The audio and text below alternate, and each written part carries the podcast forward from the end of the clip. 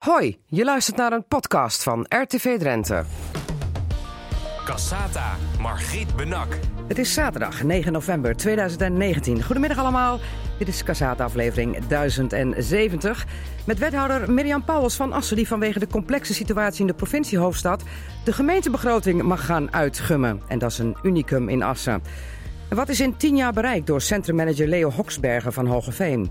En 100 jaar AVB is reden voor een feestje bij het aardappelzetmeelconcern. Het radioforum is er zoals altijd en speciale tafelgast is vandaag directeur Henk Wesseling van het voortgezet onderwijs in Zuidoost-Drenthe als grote leider van het project dat scholieren moet waarschuwen voor alle gevaren van social media. En dat heet dan Weet wat je doet. Cassata, Margriet Benak. Radio Drenthe. Ja, haar eerste 100 dagen in Assen zijn al een tijdje voorbij. Maar ik denk dat wethouder Mirjam Pauwels in die 100 dagen Assen al meer dynamiek heeft meegemaakt dan bijna acht jaar als wethouder in de gemeente De Wolden, of niet? Nou, dan doe je de Wolden wel heel erg tekort, want dat is ook een hele dynamische gemeente.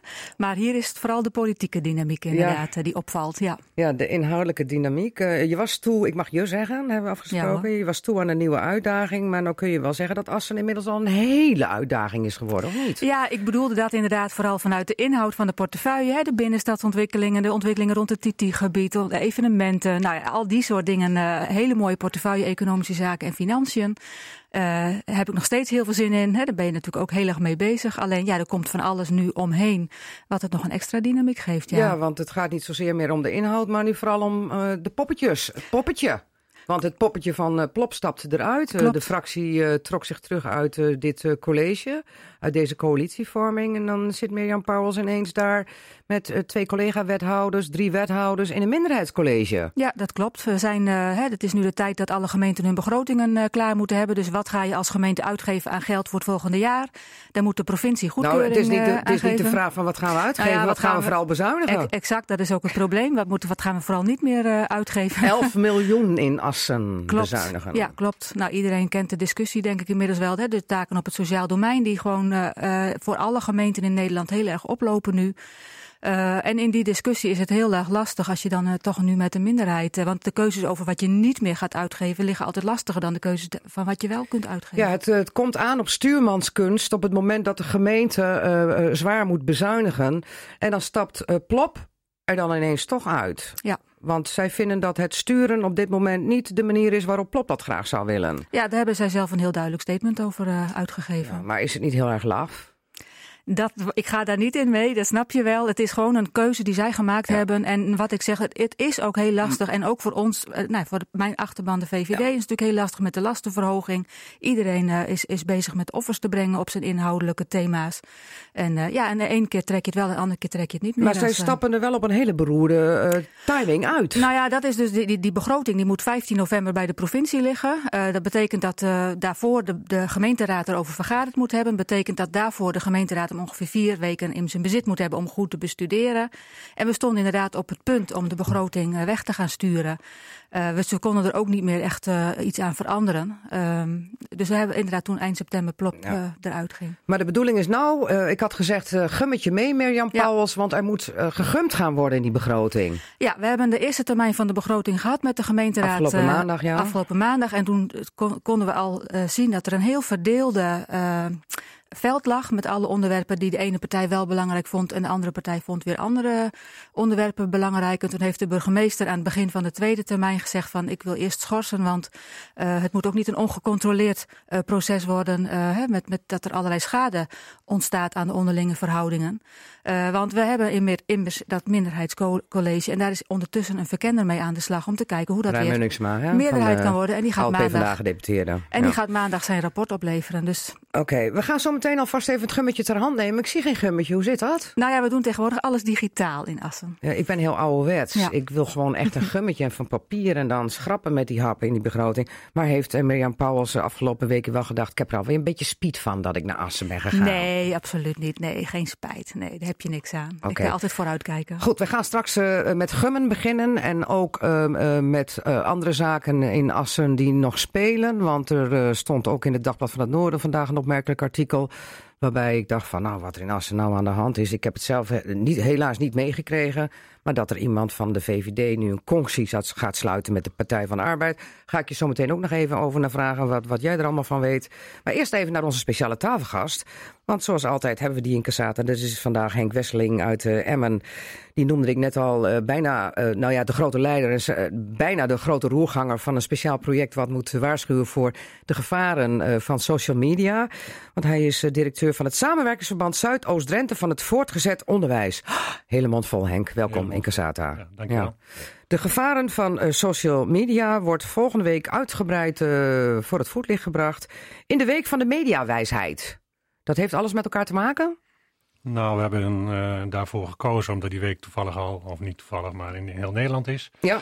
En het leek ons goed om dat eh, daaronder te brengen. Ja, want Ja. eh, even voor alle duidelijkheid: sociale media, eh, de Twitter, Facebook, eh, Instagram, Snapchat, TikTok of TokTik. Wat is het nou? Mijn dochter doet het. TikTok, TikTok. Ik heb het zelf nog niet, maar TikTok, Ik hoor het al, jij bent op de hoogte in ieder geval. TikTok. Heb jij geen TikTok, Henk? Nee, die heb ik Oké, niet. maar dat is allemaal heel leuk, maar het gevaar ligt op de loer, dacht Henk Wesseling. Hoe, hoe is dit zo tot stand gekomen? We hadden vorig jaar 6 december een eh, overleg. Dat hebben we twee keer per jaar met de gemeente Emmen. Ehm, jeugdagenten en alle bestuurders voor voortgezet onderwijs in, in Emmen. En dat gaat over veilige scholen. Ja. En eh, er waren eh, net een aantal gebeurtenissen op het Karmel College geweest. Ik benoem ze maar even hoor. Drie Ja, gevallen prima. van zelfdoding. Ja. Heel triest. Ehm, en ja, Hans Boers als rector van het Karmel College was daar ook aanwezig. En die zei, je wilt niet weten wat er op social media allemaal losbarst nu. Eh, welke verwensingen de school krijgt. En alsof de school niet goed gezorgd heeft voor deze leerlingen. Enzovoort, enzovoort. En toen zei ik van, ja, verdorie. Dit is toch, je kan er niks aan doen. Het komt over je heen. Je bent eigenlijk machteloos. Ehm, eh, vaak is het ver bezijdende waarheid wat er eh, getwitterd, dan wel op eh, Facebook enzovoort. Maar even voor de duidelijkheid: Carmel College werd duidelijk aangevallen hè? via social media. Ja, nogal. Die hadden En- het veel te weinig gedaan. Ja, Was En- eigenlijk het verwijt. laat ik hier nu direct zeggen, het Carmel College is een prima school met een hele goede zorgstructuur. Een van de betere scholen. En daar heeft het absoluut niets mee te maken. Maar goed, we kregen het daar wel even over. De burgemeester van Emmen, eh, Erik van Oosterhout, heeft daar een, een goede rol gespeeld ook. En eh, toen zei ik van ja, we hebben in, eh, in Nederland, eh Veilig Verkeer Nederland en de Week van de Fietsverlichting. Hartstikke belangrijk. Elk jaar weer? Elk jaar weer. Nationale aandacht. Controle. Ehm, prima. Dus die, die fietsverlichting is hartstikke belangrijk. Maar dit is ook een onderwerp wat veel meer aandacht verdient. En daar zouden we een week, na- nationale week van de social media van moeten maken. Ja, want, want ik, dan grijp ik even terug naar een incident. We hadden het net over de zelfdoding op het Carmel College. Heeft niet direct te maken met social media, Nee. maar de verwensingen op Facebook en zo, die waren eh, verschrikkelijk richting het Carmel College. Maar we hadden ook al een geval meegemaakt waarbij een 20-jarige jongen uit Bijlen de snelweg is opgelopen, omdat hij ook eh, op deze manier via social media, eh, eh, doordat hij een naaktfoto ergens had, vers- had verstuurd, afgeperst werd. Ja. Het zelf bij zijn ouders niet durfde aan te kaarten. En uiteindelijk geen andere uitweg weer zag dan uit het leven te stappen. Ja. Het gebeurt. Dus daar vallen ook slachtoffers. En ehm, eh, nog, er is nog veel meer psychische schade natuurlijk, wat je niet ziet, wat niet aan de oppervlakte komt. En pesten is van alle tijden, maar digitaal pesten is een stuk makkelijker geworden. Ja. En, en dat zie je. En ook niet zichtbaar, En vaak. niet, niet zichtbaar. Dus maar die- het grijpt wel in. het grijpt heel erg in. Ehm, nou ja, de, de kranten staan er vol van. Ik heb een aantal eh, knipsels hier bij me. Onlangs een weken, twee weken geleden een school in Groningen. Kamerling Onnes geloof ik, die waarschuwt ouders voor eh nou, geval van sexting. Het is eh, Ja, sexting Ah. is dan het eh, versturen van naaktfoto's van jezelf Precies. naar iemand anders. precies. Nooit doen, want je weet nooit wat er achterweg komt. Nee, nooit doen. Maar ja, hoe gaat dat eh, met jeugdigen hè, en pubers? Ja. Vandaar dat wij het in de derde klasse eh, organiseren. In heel Emmen. Alle derde klassen, dat zijn zo'n 1250 eh, leerlingen.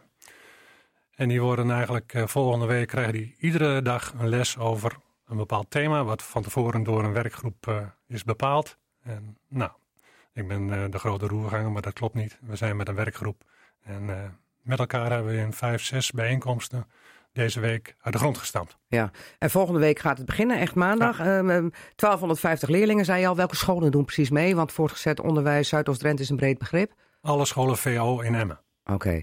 En eh, waarom alleen derde klasses? Want ik, ik weet dat mijn zoon, die zit ook in de derde klas in Assen op school. Maar ze zijn er al bezig in klas 1 en 2. Ja, nou, kijk, alle scholen besteden wel aandacht op de enige manier aan ehm, de omgang met social media. Ja. Dat doen ze allemaal. Oké. Zit je zelf op social media, Henk? Nee, Nee? nee, nee. eh, Ik heb net verteld dat je wel op Facebook een pagina hebt, maar daar doe je niks mee. Ik doe er niks mee. Ik kijk er wel op af en toe en ik zie de berichten allemaal wel, maar ik doe er verder niet zoveel mee. Eh, WhatsApp uiteraard wel, maar eh, Instagram en Snapchat, eh, nee. daar- Je, je kent het wel, maar ik je het gebruikt het niet. Nee. Het is wel leuk. We hebben afgelopen woensdag een aftrap gehad voor alle mentoren voor de derde klasse Ja. en teamleiders. En er was een externe spreker. Nou, daar kan ik zo nog wel iets meer Ja. over vertellen. Ik heb drie kwartier op het puntje van mijn stoel gezeten. Ja? Geweldig. En, en, en dat was niet voor jou heel verleidelijk om toch eens al die andere social media op jouw telefoon te eh, downloaden en daar ook mee aan de gang te gaan? Of had je zoiets van, nu weet ik zeker dat ik er verstandig aan doe, dat ik dat allemaal niet gebruik? Nee, dat laatste niet. Ik, ik ben wel meer gaan lezen erover en eh, ik weet wel wat het is. Ehm, maar die externe spreker was ook een, eh, een ex-verslaafde. En dat maakt het verrekt interessant. Ja, goed. Hij, hij vertelde uit eigen ervaringen eh, en eh, daar kon hij heel goed over vertellen. Oké. En leuk ook. Wij gaan zo meteen eh, verder praten, Henk Wesseling, over het eh, project Weet wat je doet. En ook vooral eh, wat het concreet precies inhoudt, wat er zoal gaat gebeuren. En ook, want jij bent inmiddels ook een beetje ervaringsdeskundige geworden... naar aanleiding van ook uitleg van een politieagent... wat de gevaren zijn. En dat je als scholier ook strafbaar bent... zodra jij ehm, iets eh, uitvreet met eh, social media. Maar eerst even heel wat anders. Eh, eh, niks strafbaars, maar wel een unicum. Want dat zeg ik toch goed, Mirjam Pauwels. Hè? Een gemeentebegroting die ineens, terwijl er al een eerste ronde is geweest... verdaagd wordt... En bij de provincie toch ook uitstel wordt aangevraagd, omdat 15 november eigenlijk een soort deadline is bij de provincie Drenthe, dat de gemeente de begroting moet inleveren. Ja. Ik heb het nog nooit meegemaakt. Ik, in de rente ook niet. Het zal vast ergens anders in het land wel eens gebeurd zijn. Maar eh, ja, dit, dit, doe je niet zomaar. Dat is, eh, dat is duidelijk. Ja, want wa- was anders het college ook bang dat deze begroting werd weggestemd? En dat, eh, want wat is het gevolg dan als de begroting niet goedgekeurd wordt? Dan kom je toch onder toezicht te staan van de provincie? Ja, dat is als de begroting niet structureel sluitend is, zoals het dan heet. Ja. Dan gaat de provincie preventief toezicht houden op de gemeente. Dat ze daar wel maatregelen toeneemt om dat wel uiteindelijk te bereiken. Ja, want iemand Dus- vertelde mij zelfs van dat je dan zelfs voor paperclips en niet machientjes, eh, als je dat wil aanschaffen Nou- als gemeente, naar de provincie moet om je vinger op te steken. Zeg meneer de financiële gedeputeerde, mag ik alsjeblieft? Dat is wel een beetje heel erg ver doorgetrokken. Maar inderdaad, in de, wat in de grote lijnen, hè, de paspoorten moeten uitgegeven, de straat moet geveegd. Alles, Mhm. alles gaat gewoon door. Maar wel alle, alle projecten die nou ja, extra zijn, eh, die eh, mogelijk nog teruggedraaid kunnen worden, daar gaan ze dan wel heel serieus naar kijken. Ja. En dan moet je dus inderdaad eh, langs de provincie om daar goedkeuring voor te krijgen. Nou is er een eerste ronde van de begroting geweest in En toen eh, leek het er al op dat de ene had daar een probleem mee, de ander had daar een probleem mee. Ik had zelf het idee dat er niet echt een overeenkomst was tussen alle partijen waar er nou problemen mee waren. Maar Marco Oud zei eh, donderdagavond nog duidelijk tegen mij: ik was bang dat het dan eh, het ene amendement naar het andere amendement zou moeten komen als wijzigingsvoorstel. Waarbij aan het einde van de avond niemand meer een overzicht had van. Wat voor begroting stellen we nou eigenlijk vast? Ja, precies. Dat was, dat was eh, inderdaad wel een beetje de angst. We hebben toen, nou ja, ik had al even aangegeven waarom we me toch zo verstuurd hebben in, het, in de situatie waarin we zaten. Omdat we dat niet anders konden. De termijn liep eh, voor de raad ook om het eh, te ontvangen. En we hebben als gemeente ook echt, of als college ook een paar keer de handreiking gedaan. Laat vooral weten wat uw voorstellen zijn. En dat we die op tijd weten, dat we ook kunnen gaan kijken wat voor impa- impact dat heeft.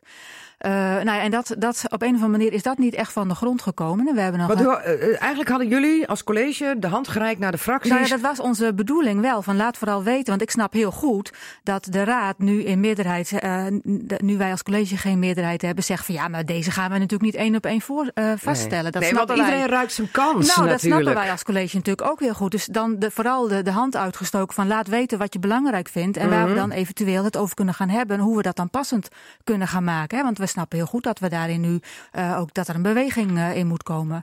Nou ja, en, en wat in de eerste termijn gebeurde, was dat er wel allerlei beweging was. Alleen dat hij niet een bepaalde richting uitging. Nee, het waren en- allemaal verschillende ja. bewegingen. Iedereen Ja. wilde wat anders. En Ja. toen dacht ik van nou, als ik het college was, liet ik het erop aankomen. Want niemand is het met elkaar eens Nou hoe het dan en, wel en, moet. En dat is natuurlijk wat de burgemeester de keuze heeft gemaakt om dat vooral niet te doen. Omdat er ook nog een proces loopt eh, rond hoe ga je verder.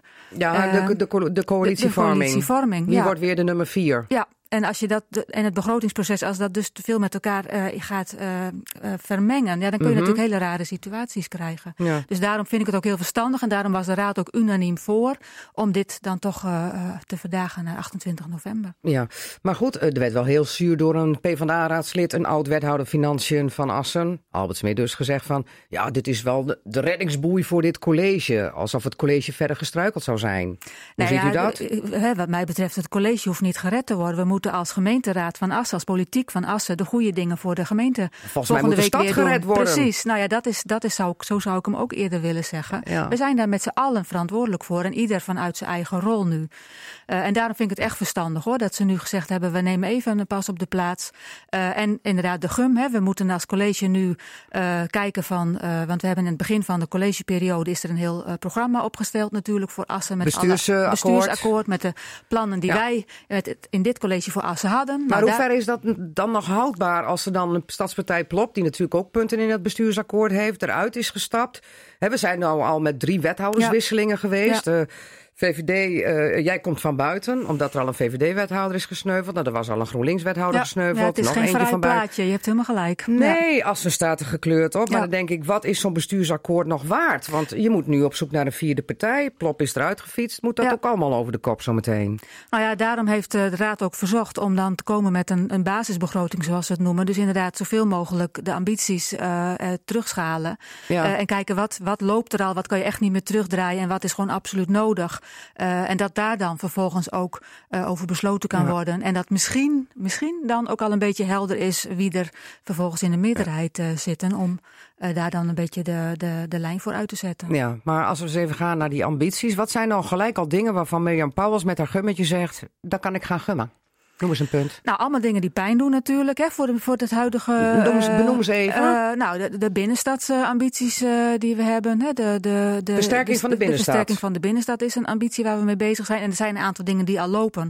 Maar er zijn ook dingen die nog, die nog niet al onomkeerbaar zijn. Bijvoorbeeld stad, stadsmarketing. Hè. We willen Assen graag op de kaart zetten met dit college. Nou, daar moeten we nu toch echt even een pas op de plaats mee maken. Klimaatprogramma hebben we natuurlijk een heleboel dingen die, die we belangrijk vinden.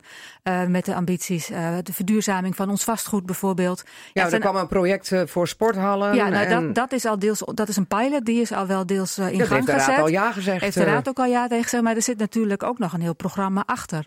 Ehm, de preventieagenda, zeg maar, voor de zorg. Hè, waar we, het, eigenlijk het grootste probleem nu is, is de overschrijding op de zorg. Ja, Hè, en een deel van die, dat die overschrijding lossen we ook zelf in de zorg op, maar die niet is alles. ongeveer eh 7 miljoen zo'n beetje, toch? Ja, iets meer dan 7 miljoen. En daar lossen we ongeveer 4 miljoen in, de- in de begroting op. Met een pakket aan bezuinigingen in, Mhm. of, en preventie en anders werken in de zorg. Daar zie je ook dat sommige partijen daar natuurlijk moeite mee hebben. Die zeggen dat daar moeten we het niet op halen. Nee, want- die zeggen van haal gewoon de hele bubs uit de reserve. ja, nou, maar dat, dat doen doen we jullie ook. al. Dat doen we ook. De eerste twee jaren doen we een enorme greep in de reserve. Wat, je, wat ik als Komend wethouder. jaar 5,3 miljoen zelfs. Ja, wat ik als wethouder financiën ook liever eh, niet zou doen. Omdat je uiteindelijk eh, als, als gemeente wel een beetje eh, wat reserves wil hebben om ook in te kunnen spelen op nieuwe uitdagingen die er komen. Dus ja, Ja, want en anders komt de bodem wel heel snel in dan zicht, komt de bodem inderdaad heel snel in zicht. Maar goed, dat wordt er dan ook uitgehaald. Ja, ja. Dus nou ja, dan moeten we kijken wat blijft er dan onderaan de streep over. Want hè, ambities kosten geld, dus dat is dan een soort positieve Ja, punt. ik, ik had ook al dingen gezien als de stadsecoloog en een stadsbouwmeester. Van Ja. dat soort, dan denk ik, ja, dat zijn een beetje luxe artikelen. Dat zou ik ook gelijk schrappen. Nou ja, kijk, daar, je kunt kijken van eh, eh, wat, ga je inderdaad allemaal niet meer doen. Dat zijn dan positieve punten. Ehm, maar er zit er ook een, bijvoorbeeld een, een lastenverzwaring in, hè, weten we ook allemaal. 10% OZB. Juist, toeristenbelasting. Die Ontkomen hebben, we daar nu aan in Assen? nou ja, dat, dat is dus de vraag. Maar die schrappen we er natuurlijk ook uit nu. Want het is ook iets wat dit college heeft bedacht. Maar ik heb daar niemand heel erg kritisch over gehoord afgelopen maandag. Nou ja, maar dat is natuurlijk waar sommige partijen ook wel weer heel erg aan hechten. Hè? Dus de, de basisbegroting is echt even helemaal terug naar eh, hoe begonnen we. Oké, en de toeristenbelasting, die verhoging die dan 250.000 euro moet opleveren, eh, dat is ook even klaar? Nou ja, die gum ik er nu wel even uit. Oké. Ja, maar dat, dat is dus weer een negatieve impact heeft het op je begroting. Dus we moeten Ja. kijken en al die posten.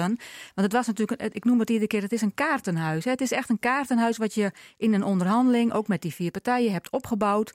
Eh, En als je aan dingen begint te trekken, ja, voor je het weet, valt het Ja. allemaal in elkaar. Dus daarom is het ook, nou ja, toch wel eh, een, echt een basisbegroting. Moet je dat kaartenhuis weer opnieuw gaan Dus we gaan opbouwen. gewoon even niks doen in Assen. Ja, helaas. Ja. Ja. Maar dan denk ik, Tom Poesers in een list. Eh, Ja. Er is eh, een verkenner aan de slag in de persoon van Rijn Munniksma. Wie kent hem niet? Onze oud-gedeputeerde van de Partij van de Arbeid... die in Groningen nu ook wat gemeenten heeft bestudeerd als interim burgemeester. Ja. Die is door de ChristenUnie, grootste partij in de coalitie... eh, ingeschakeld als verkenner. Dan denk ik van, dan had hij toch even heel snel... gewoon een vierde partij erin moeten fietsen. Ja, Dat maar kan dan, toch wel wat rapper? ja, als je, eh, eh, dat Zo zou- ingewikkeld is het niet dat hoor, zou, lijkt mij. dat zou heel mooi zijn geweest, maar kennelijk ligt het toch wel ingewikkelder. Ja. En we zullen maandag horen wat, hij, wat zijn bevindingen zijn. Ja, maar dat is nou voor 28 november. Terwijl Mirjam Pauwels thuis Ja. druk aan het gummen is of op het stadhuis. Ja. Beter op het stadhuis. Er een vierde wethouder wordt ingefietst. En jullie hebben weer een meerderheidscollege. Nou ja, dan zou je eh, de, die basisbegroting weer met het nieuwe eh, onderhandelingsresultaat kunnen opbouwen en dat voorleggen. Maar is Eh, daar dan nog tijd is- voor, voor qua 28 tijd november? wordt dat wel heel erg krap. Maar dan Ja. kan je natuurlijk al wel een soort... In de, in de beraadslagingen kunnen de partijen die dan op dat moment eh, de nieuwe meerderheid zijn... dat natuurlijk wel op voorsorteren. Ja. Maar er is maar één partij die dit college weer aan een meerderheid kan helpen. Met eh, de huidige vier zetels is dat de Partij van de Arbeid. Want eh, er is een plop uitgestapt met vier zetels. En de enige die vier zetels heeft, dat is de Partij van de Arbeid. Dat is eh, het- hè, de makkelijke puzzel. Maar je kunt ook Ja. zeggen, we willen een robuustere meerderheid hebben. Dus dan zou je nog twee partijen eh, erbij moeten Dan hebben we vijf wethouders in Assen. Ja, nou is ja, het een beetje te veel als, er al drie op uh, Het, wachtgeld het is wel zitten. in het verleden wel eens vaker voorgekomen. eh en drie is wel eh, behoorlijk weinig, heb ik inmiddels aan de lijf ondervonden. Ja, ja. Ja. Maar ehm, wat een tombola zit, eh, zit Mirjam Pauwels ineens in. dat kun je wel zeggen. Ja. Ja. Is nou de grootste uitdaging eh, de komende weken voor jullie ehm, het gummen in de begroting? Of kijken wat voor coalitie er gesmeed kan worden? Eh, dat eerste is een vrij technisch verhaal. Eh, en ik denk dat eh, de, de team Financiën daar best goed weg mee weet. Het tweede is denk ik spannender. Ja? Ja. Wat voor coalitie Ja, krijgen we? ja, dat denk ik wel. Kijk eens in een glazen bol en wat zeg je dan? Nee, dat ga ik echt niet doen. Dat is een heel, heel, heel precair proces. En, en i- eh, niet voor niks dat er iemand van buiten wordt ingehuurd, ingevlogen om dat eh, voor ons te doen. Want voor je het weet gaan er allerlei eh, eh, uitspraken weer eh, verkeerd eh, geïnterpreteerd worden. Ja, en want als we dan toch over uitspraken hebben. Er is een VVD-raadslid Bert Homan, wie kent hem niet? Nou ja, hij heeft ooit een keer een gooi willen doen naar het landelijk voorzitterschap van de VVD. Hè?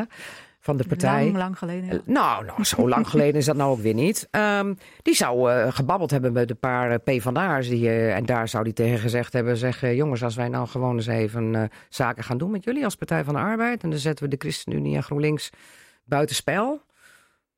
Wat weet jij daarvan? Nou, wat ik zei, in zo'n proces moet je eigenlijk, eh, is het heel onverstandig om, om eh, überhaupt eh, dingen naar buiten te communiceren. Dus dat zou je normaal ook helemaal niet, niet doen. Ik, Nou, ik geloof niet dat hij het naar buiten heeft gecommuniceerd. Hij zegt van wie dit naar buiten heeft gebracht... Ja. die klaag ik aan wegens smaad of laster.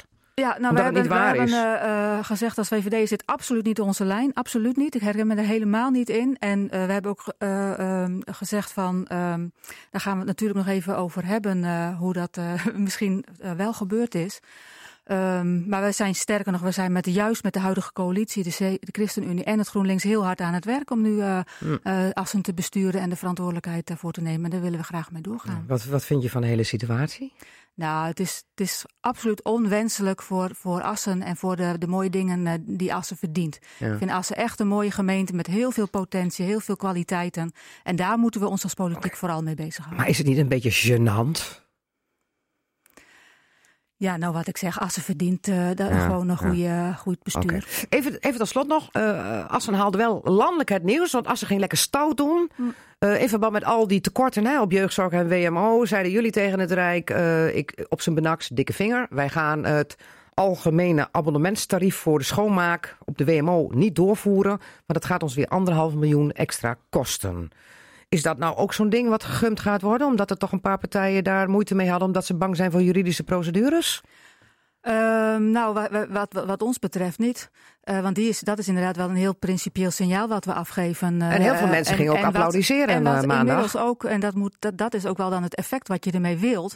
Waardoor je nu inmiddels wel, mijn collega wethouder Vlieg, een afspraak krijgt met Hugo de Jonge, met de minister daarover. Okay. dus dat, dat is wat je graag wilt. Je wil graag dat die discussie op gang komt. ja, de discussie vooral over dat jullie als gemeente een extra geld moeten hebben om het werk van het Rijk op te knappen. En dat er van bovenaf gewoon een maatregel dwars door onze beleid heen vliegt. Goed. Mirjam Pauwels, uh, ik zal je niet langer ophouden, want volgens mij is er gigantisch veel werk aan de winkel, vooral voor de wethouder Financiën in Assen. Ik wens je heel veel succes in dit dynamische Assen. Cassata, Cassata, Margriet Benak. Radio Drenthe.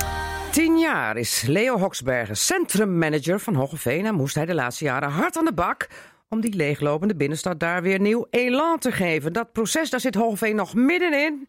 Maar het resultaat, dat wacht Leo Hoksbergen niet af. Hij vertrekt als centrummanager naar Kampen.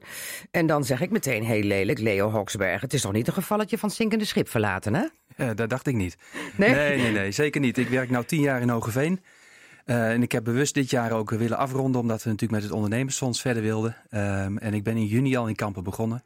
Dus ik vond het een mooi uh, moment om een stokje over te geven. Maar hoe kun je nou in juni al in Kampen beginnen? Je kunt toch geen twee uh, heren dienen? Oh, dat is in mijn geval geen probleem. Ik heb ook een eigen bedrijf.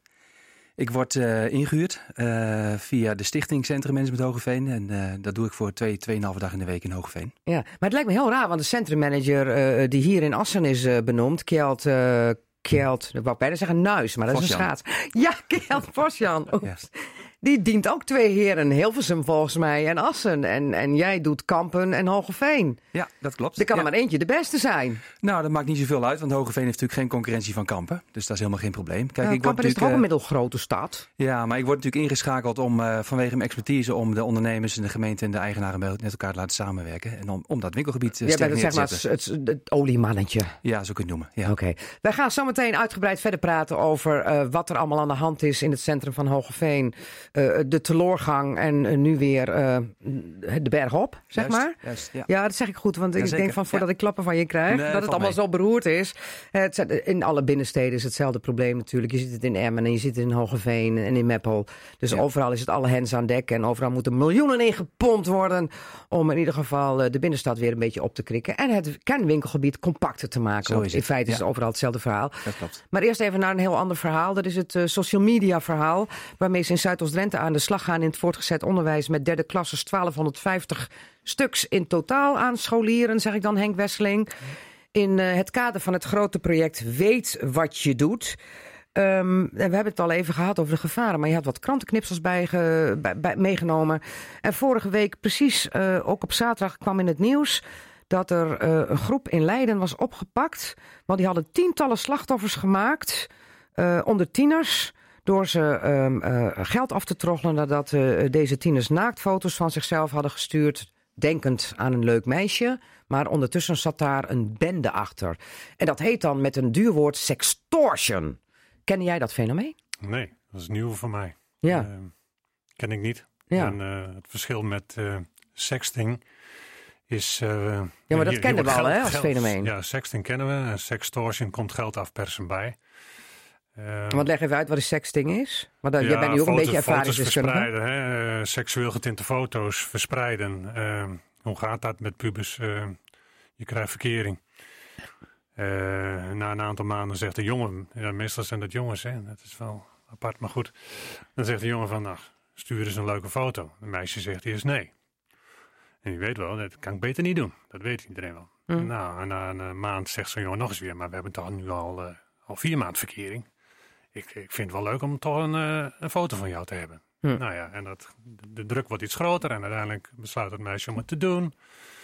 En dan uh, na een jaar of een half jaar gaat de verkering uit.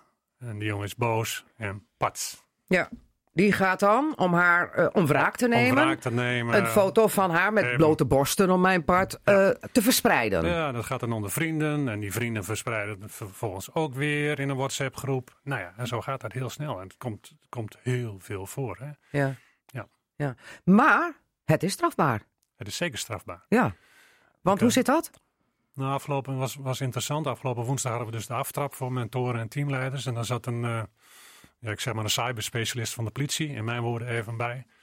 Die zei inderdaad van op het moment dat jij een foto op je uh, smartphone krijgt en je opent hem niet, ben je niet strafbaar.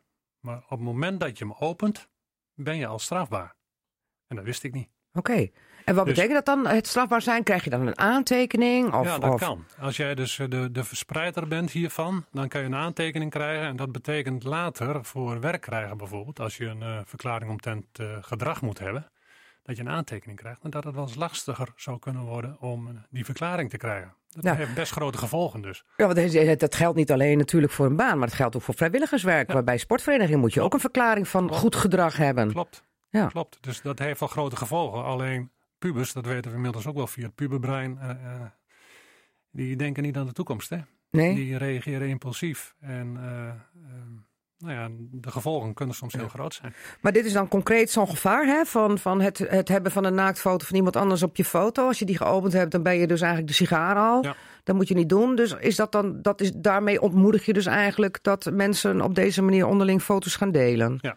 ja. Kijk, wat er op scholen gebeurt is, ik heb het zelf meegemaakt. Uh, Kijk, als zoiets gebeurt, dan is het onmiddellijk de klas inlichten. Heb je foto's, verwijder dat direct. Ouders inlichten. Uh, iedereen moet direct op de hoogte gebracht worden. En je probeert dat zoveel mogelijk de schade te beperken. Ja, maar waar merk je het altijd wel? Nou ja, uh, uh, dan komt er een meisje in paniek wel bij een mentor over het algemeen. Mm -hmm. van, dat komt wel bij de school. Als ze slim is. Als... Sommige mensen schamen zich er ook voor en durven het ja, niet te melden. Uh, toch, toch zie je, ja, dat kan ook. Ja? Klopt. Maar, je ziet maar ook, dat meisje zal ook denken: wat ben ik toch dom, een domme ja. koe geweest dat ik dat heb gedaan. Ja, achteraf, klopt. Ja. Achteraf. En dan is de sociale druk van een groep of van je vriendje, is dan toch, wint het. Ja. En aandacht, hè. Uh, ja, heel veel uh, excessen met social media, dat heeft te maken met aandacht. Als je die, een Laurens Veldman, die jongen die was gameverslaafd. En die gaf dus een, uh, een lezing daarover. En dat doet hij in het hele land. En al, uh, inmiddels zijn eigen bedrijf. Jongen was 33. Werd op de, op de middelbare school niet gezien. Klein jongetje ook. Mm -hmm. En groeide pas, hij was nu redelijk groot, maar groeide pas toen hij zeg maar 17 werd. Hele slimme jongen. Negens, allemaal met negens. In klas 4 nog allemaal negens. VWO. Gaan gamen. Nou, begint met een uurtje. Maar bij dat gamen werd hij iemand. Hij behoorde tot de top van Nederland. En vervolgens tot de top van de wereld. -hmm. En uh, daar was hij iemand. Op school zagen ze hem aan voor een brugger. Uh, prestaties gingen naar beneden. Hij ging van uh, negens naar zeventjes. Met minimale inzet. En in het examenjaar ging hij van uh, naar zesjes en vijfjes. En hij uh, zakte voor zijn examen. Hm. Het herexamen was nog slechter dan zijn eerste examen. Dus het succes in het gamen had gevolgen voor hem voor zijn schoolprestaties. 10, 12 uur per dag gamen, hè? Ja, ja. Dat soort ja. jongens hebben we nu, heb ik nu ook wel op mijn school zitten. Ja, 10 ja. tot 12 uur gamen per dag.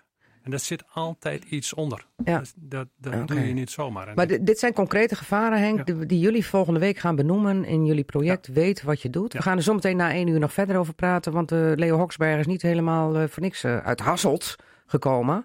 is een beetje tussenin, hè? tussen Kampen en, eh en Hogeveen. Althans, dichter bij Kampen. Half uurtje. Een half uurtje, ja. Want tien jaar eh, centrummanagement hè, in Hogeveen. Ehm, was het na tien jaar Hogeveen ook wel klaar? En is Kampen dan leuk als nieuwe uitdaging? Of... Nou, nee, wat je in de- zojuist ook al zei. Kijk, dit soort eh, steden en dit soort plaatsen hebben natuurlijk altijd allemaal grote uit, eh, eh, uitdagingen en opgaven. En dat is nog steeds zo. Dat, Ja. dat zal ook de komende jaren niet veranderen. Maar het is natuurlijk wel zo. Ik heb in Hogeveen nu ruim tien jaar gewerkt. Ik heb de hele de opstart van het hele centrummanagement en ondernemersfonds meegemaakt. Heel veel meegemaakt in de, in de herinrichting van het centrum. Er gaat nu weer een nieuwe fase van Ja, maar vijf er is nu in. lekker bezig, de herinrichting van het centrum. Ja, dus je ziet niet dat het klaar is zometeen. Nou, er is natuurlijk al heel veel gebeurd. Hè? Kijk, eh, de herinrichting is natuurlijk al een hele slag verder. We hebben fase 1 in de Hoofdstraat gehad. Het Kerkplein is heel mooi eh, Ja, ingericht. prachtig met Dus fonteinen en verlichting. Ja, kijk, maar dit, dat is natuurlijk wel kenmerkend voor winkelgebieden. Het houdt nooit op. Je Nee. zult altijd met elkaar moeten blijven vernieuwen. Dus, en kampen dienen zich aan, daar werd ik ook voor benaderd. En dat is natuurlijk ook een hele mooie stad. Dus Ja. ik denk, daar ga ik ook eens eh, kijken. Maar als we even terugkijken naar eh Hogeveen, tien jaar geleden. ehm, waar kwam je binnen? Wat, in wat voor Hogeveen? Eh, dat was in de loop van eind 2008, denk ik. Toen was er nog geen stichting Centrum Management Hogeveen. Uh, de samenwerking tussen ondernemers en gemeenten was heel versnipperd. Dat moest allemaal worden opgezet. Iedereen had zo'n beetje zijn eigen winkeliersvereniging. Er waren stratenverenigingen toen ja. de tijd nog. Uh, en dat uh, boterde ook niet altijd even goed. Er was ook geen ondernemersfonds. Er was een beetje geld. Dus alles wat er georganiseerd moest worden, dat werd met heel veel gedoe, moest dat van de grond komen. Uh, dus uh, de opgave die ik toen ook kreeg was van uh, ga daar een solide stichting neerzetten met mm -hmm. een solide ondernemersfonds eronder. Mm. En zo ben ik daar begonnen. Ja, maar de leegloop was toen nog niet aan de gang. Nee, de retail is natuurlijk enorm veranderd de laatste tien jaar. Dat is echt de afgelopen vijf, zes jaar natuurlijk helemaal in de stroomstelling gekomen. In het begin was er weinig leegstand. We mm -hmm. hebben in Hogeveen ook een enorme boost meegemaakt dat landelijke winkelketens zich in Hogeveen hebben gevestigd. Um, we hebben heel hard aan de weg getimmerd met het op de kaart zetten van het stadscentrum. Ja, met, met, met, succes. Want 2011, 2013 werd Hogeveen gekozen tot beste binnenstad van Nederland. Van Klopt. middelgrote steden. Ik viel ja. van mijn stoel. Nou, dat dacht iedereen toen. Hè? Van, uh, hoe kan dat nou? Henk Besseling ook. Ja, dat ik klopt. denk Hogeveen. Ik heb er zelf gewoond hoor. En ik heb er ja. gewerkt. Ik maar ik dacht, Hogeveen. Dus, ja. Uh, Hogeveen. Beste binnenstad nou, van dat vonden we natuurlijk al mooi. het land. Want, want, het was natuurlijk in de beeldvorming, uh, zeg maar, beste binnenstad. Dan moet het ook de mooiste stad van Nederland zijn. Maar daar ging het natuurlijk niet over. Het ging over hoe kun je met elkaar laten zien wat je bereikt hebt. En daarin hadden we enorme slagen gemaakt. Ja. En daarom scoorden we toen ook zo, zo en was hoog. het ook een beetje de verdienste van Leo Hoksbergen? Nou, ik denk wel dat ik een rol heb gespeeld in het aanjagen van de samenwerking. En, maar we hebben het met elkaar, en dan bedoel ik echt ondernemers en ook de gemeente, hebben echt de zaak goed op de rit gezet toen. Maar ja, toen stond het goed op de rit, maar toen kreeg je het gedonder met allemaal leeglopende winkels. Ja, die ontwikkeling zat natuurlijk aan te komen. Hè. We hebben natuurlijk ook de hele economische crisis meegemaakt. Ja. Ik denk wel, als ik naar Hogeveen kijk, en ik vergelijk het ook landelijk en ook provinciaal wel, dat Hogeveen het eigenlijk naar verhouding altijd goed is blijven doen. De leegstand is natuurlijk nu ook wel toegenomen. Ik denk dat wij zo rond de 10% zitten in Hogeveen. Nou ja, dat is altijd nog beter dan 40% waarin Assen sprake van was. Nou ja, en kijk, wij hebben in Hogeveen natuurlijk wel gewoon een heel compleet centrum. Uh, het parkeren is goed op orde, je hebt een breed aanbod. Je kunt daar makkelijk bij komen. Er is ook door de gemeente veel geïnvesteerd in het centrum qua, uh, qua sfeer en, en openbaar gebied. Ja, de cascade. Ja, dat is natuurlijk uh, dat is op zich een bijzonder kon. Ja, ik knip, ik knip er dan een beetje met mijn ogen hoor. Ja, het, is, ja. het is natuurlijk wel een heel lullig stroompje. Nou, je kunt hem natuurlijk als een obstakel beschouwen. Maar het is natuurlijk ook een kunstwerk met water. En daar kun je natuurlijk op een speelse manier best wel wat mee doen. Dus dat hebben we natuurlijk ook wel gedaan. Ja. Ik heb ooit namelijk, toen ik daar werkte bij het Hoogveens Dagblad... die prachtige prenten aan de muur zien, gezien. Met gewoon die prachtige vaart. Hoe het water... Door Hoogveen. En dan denk ik, ja, dat had je terug moeten hebben. Ja. In plaats van zo'n stroompje ja. in de vorm van een kunstwerk. Ja, de cascade was natuurlijk al toen ik kwam. Ja. Uh, kijk, we zijn nu met de herinrichting bezig. Van kunnen we dat wat mooier aanlichten? Mm -hmm. Het water ook prominenter een plek geven. Met dat kerkplein natuurlijk bij. Ja, want het blijft dus, wel, hè, de cascade. Jazeker. Ja, ja, ja, Het podium wat er nu tussenin zit, hè, dat is zeg maar die grote puis daar middenin, noem ik maar. Die, die, is, nu, die is nu uitgesloopt. Ja. En daar komt een hele mooie geleidelijke overgang. Dus zodat de mensen ook uh, makkelijker naar de overkant kunnen van de straat. Maar jullie uh, zitten op 10% leegstand, ja, zeg ongeveer, je nu. denk ik. Ja. Maar dat is toch reden voor jullie om ook te zeggen... het uh, winkelgebied moet compacter. Ja, er is anderhalf jaar geleden een nieuwe centrumvisie opgesteld. Ook door de gemeenteraad. Met als insteek, we moeten echt inspelen op de veranderingen die er zijn in de retail. En dat betekent dat we het compact en aantrekkelijk moeten houden. -hmm. Inzet op sfeer, beleving. Nou, er is een vanuit de gemeenteraad ook een heel investeringsprogramma op, uh, op uh. Maar hoeveel miljoenen uh, liggen daar nu voor de, de binnenstad ongeveer 12, 13 miljoen. 12, 13 miljoen? Ja, en dat is vanuit de gemeente en ja. dat is ook vanuit de provincie. Ja, van de provincie krijgen jullie ook 3 miljoen? Ja, klopt. Ja, ja, de provincie heeft dus ook gezegd van nou wij willen daar ook echt op investeren. Maar dat geld willen we wel heel sterk inzetten op het, uh, op het compacte maken van het centrum. Ja. Dus daar wordt ook nu echt hard aan gewerkt. Ja, maar uh, is dan vooral niet de angel in het compacte maken van het centrum die tamboerpassage, die toch een soort appendix er een beetje aan hangt? Nou, daar is ook natuurlijk al heel veel over gezegd en geschreven. Hè, en Henk kent de situatie ook heel goed, hè? Ja, ik, Want die heeft in Hogeveen gewerkt bij het Rolf van Echten College. Ja. Kijk, in de tamboerpassage vanuit het centrum mensen hebben wel gezegd... luister eens, in de tamboerpassage zitten ondernemers. Ja. Die vallen ook binnen ons gebied van het ondernemersfonds. Ja, maar die zagen in het plan ineens staan van... tamboerpassage moet opgeheven worden. Wat krijgen we nou? Nou, er zijn, uh, uh, toen die centrumvisie is gemaakt... Uh, zijn er ook ondernemersbijeenkomsten geweest. Daar heeft iedereen over kunnen meepraten. En iedereen was het toen wel over eens van... wij moeten echt wel wat doen om dat centrumgebied compacter te krijgen. Uh, en uh, dat je nadenkt om de tamboerpassage dan eventueel een andere functie te geven, dat werd ook wel onderkend. Eigenlijk ook wel een logische is, stap, hè? Ja, omdat je het kleiner moet maken. Het is ja. natuurlijk een hele lange straat, dus je moet daar wel wat mee. Uh, de vraag is alleen, hoe geef je het handen en voeten? ondernemers die daar zitten, hebben natuurlijk wel belang bij dat ze toekomstperspectief houden. Nou, en als je in de afgelopen periode kijkt, heeft dat natuurlijk wel al erg lang geduurd. het is natuurlijk ook complex. Je hebt er met eigenaren te maken, met ondernemers-eigenaren, met huurders alleen. Nou, al die belangen bij elkaar. hoe kom je dan tot een plan waar iedereen ook in meegaat? Dus dat is ook de complexiteit van, uh, van waar, nu, waar we nu in zitten. En dat je dan zegt, uh, bijvoorbeeld wat ook in Assen gebeurt, dat je in die onrendabele gebieden uh, de winkels daar verhuist met een soort premie richting het compacte winkelgebied. Ja. Dat is makkelijker gezegd dan gedaan. Zo is het. Ja, klopt. het gaat om veel geld, veel belangen. Dus dat, maar dat vraagt wel slagvaardig handelen. En de gemeente gaat nu echt ook wel die kant op, gelukkig. Want daar hebben we nog steeds op aangedrongen.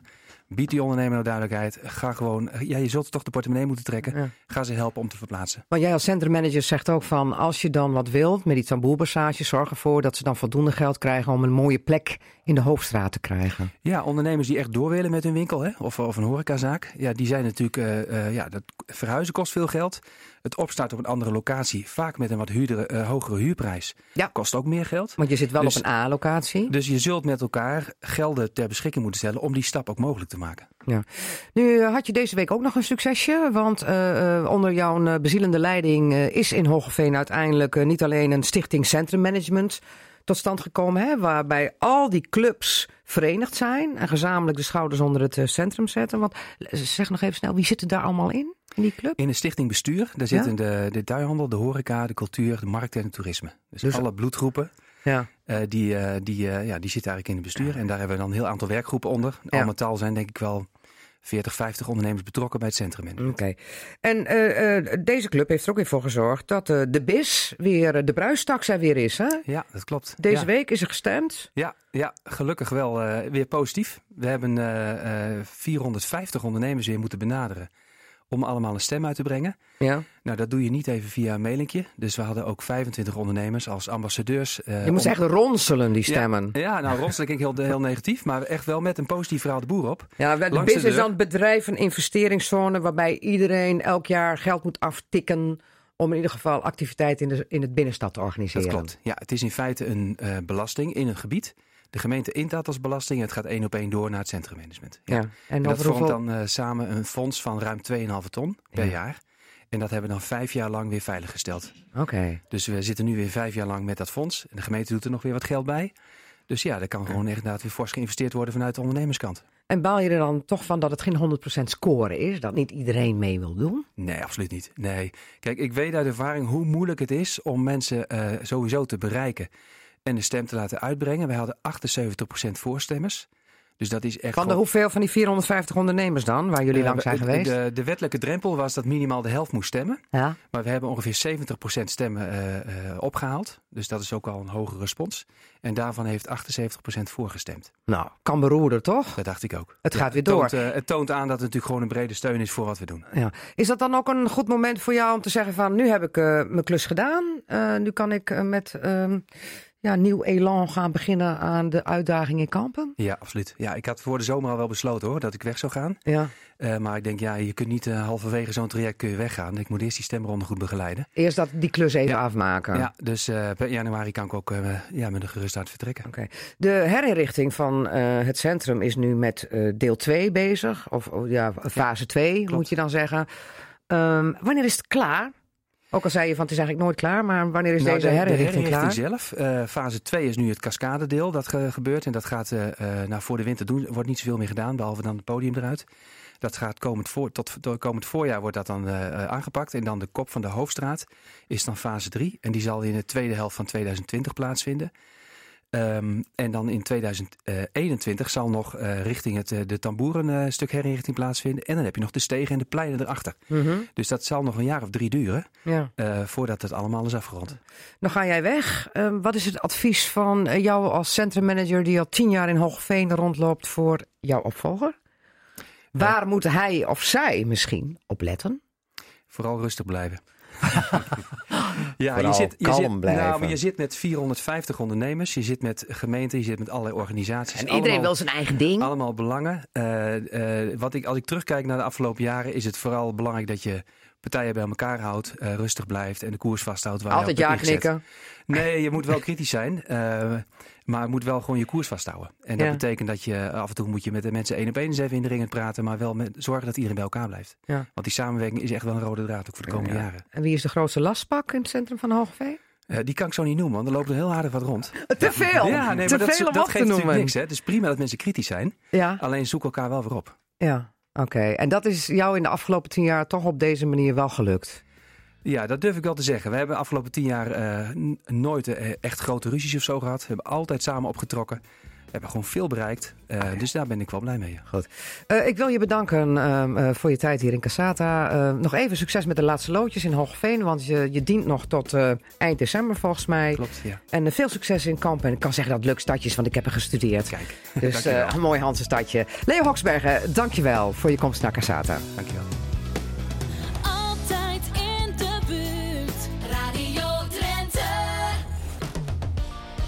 Radio Drenthe, Cassata. Het is 4,5 minuut over 1 alweer. Welkom, goedemiddag allemaal. Dit is het tweede uur van deze Cassata-aflevering 1070. Met zometeen het radioforum over opvallende kwesties uit het nieuws van deze week. We praten over 100 jaar AVB, want het aardappelzetmeelconcern bestaat maandag 11 november exact 100 jaar. En dat begon ooit als aardappelverkoopbureau. Later uitgegroeid tot het miljoenenconcern AVB.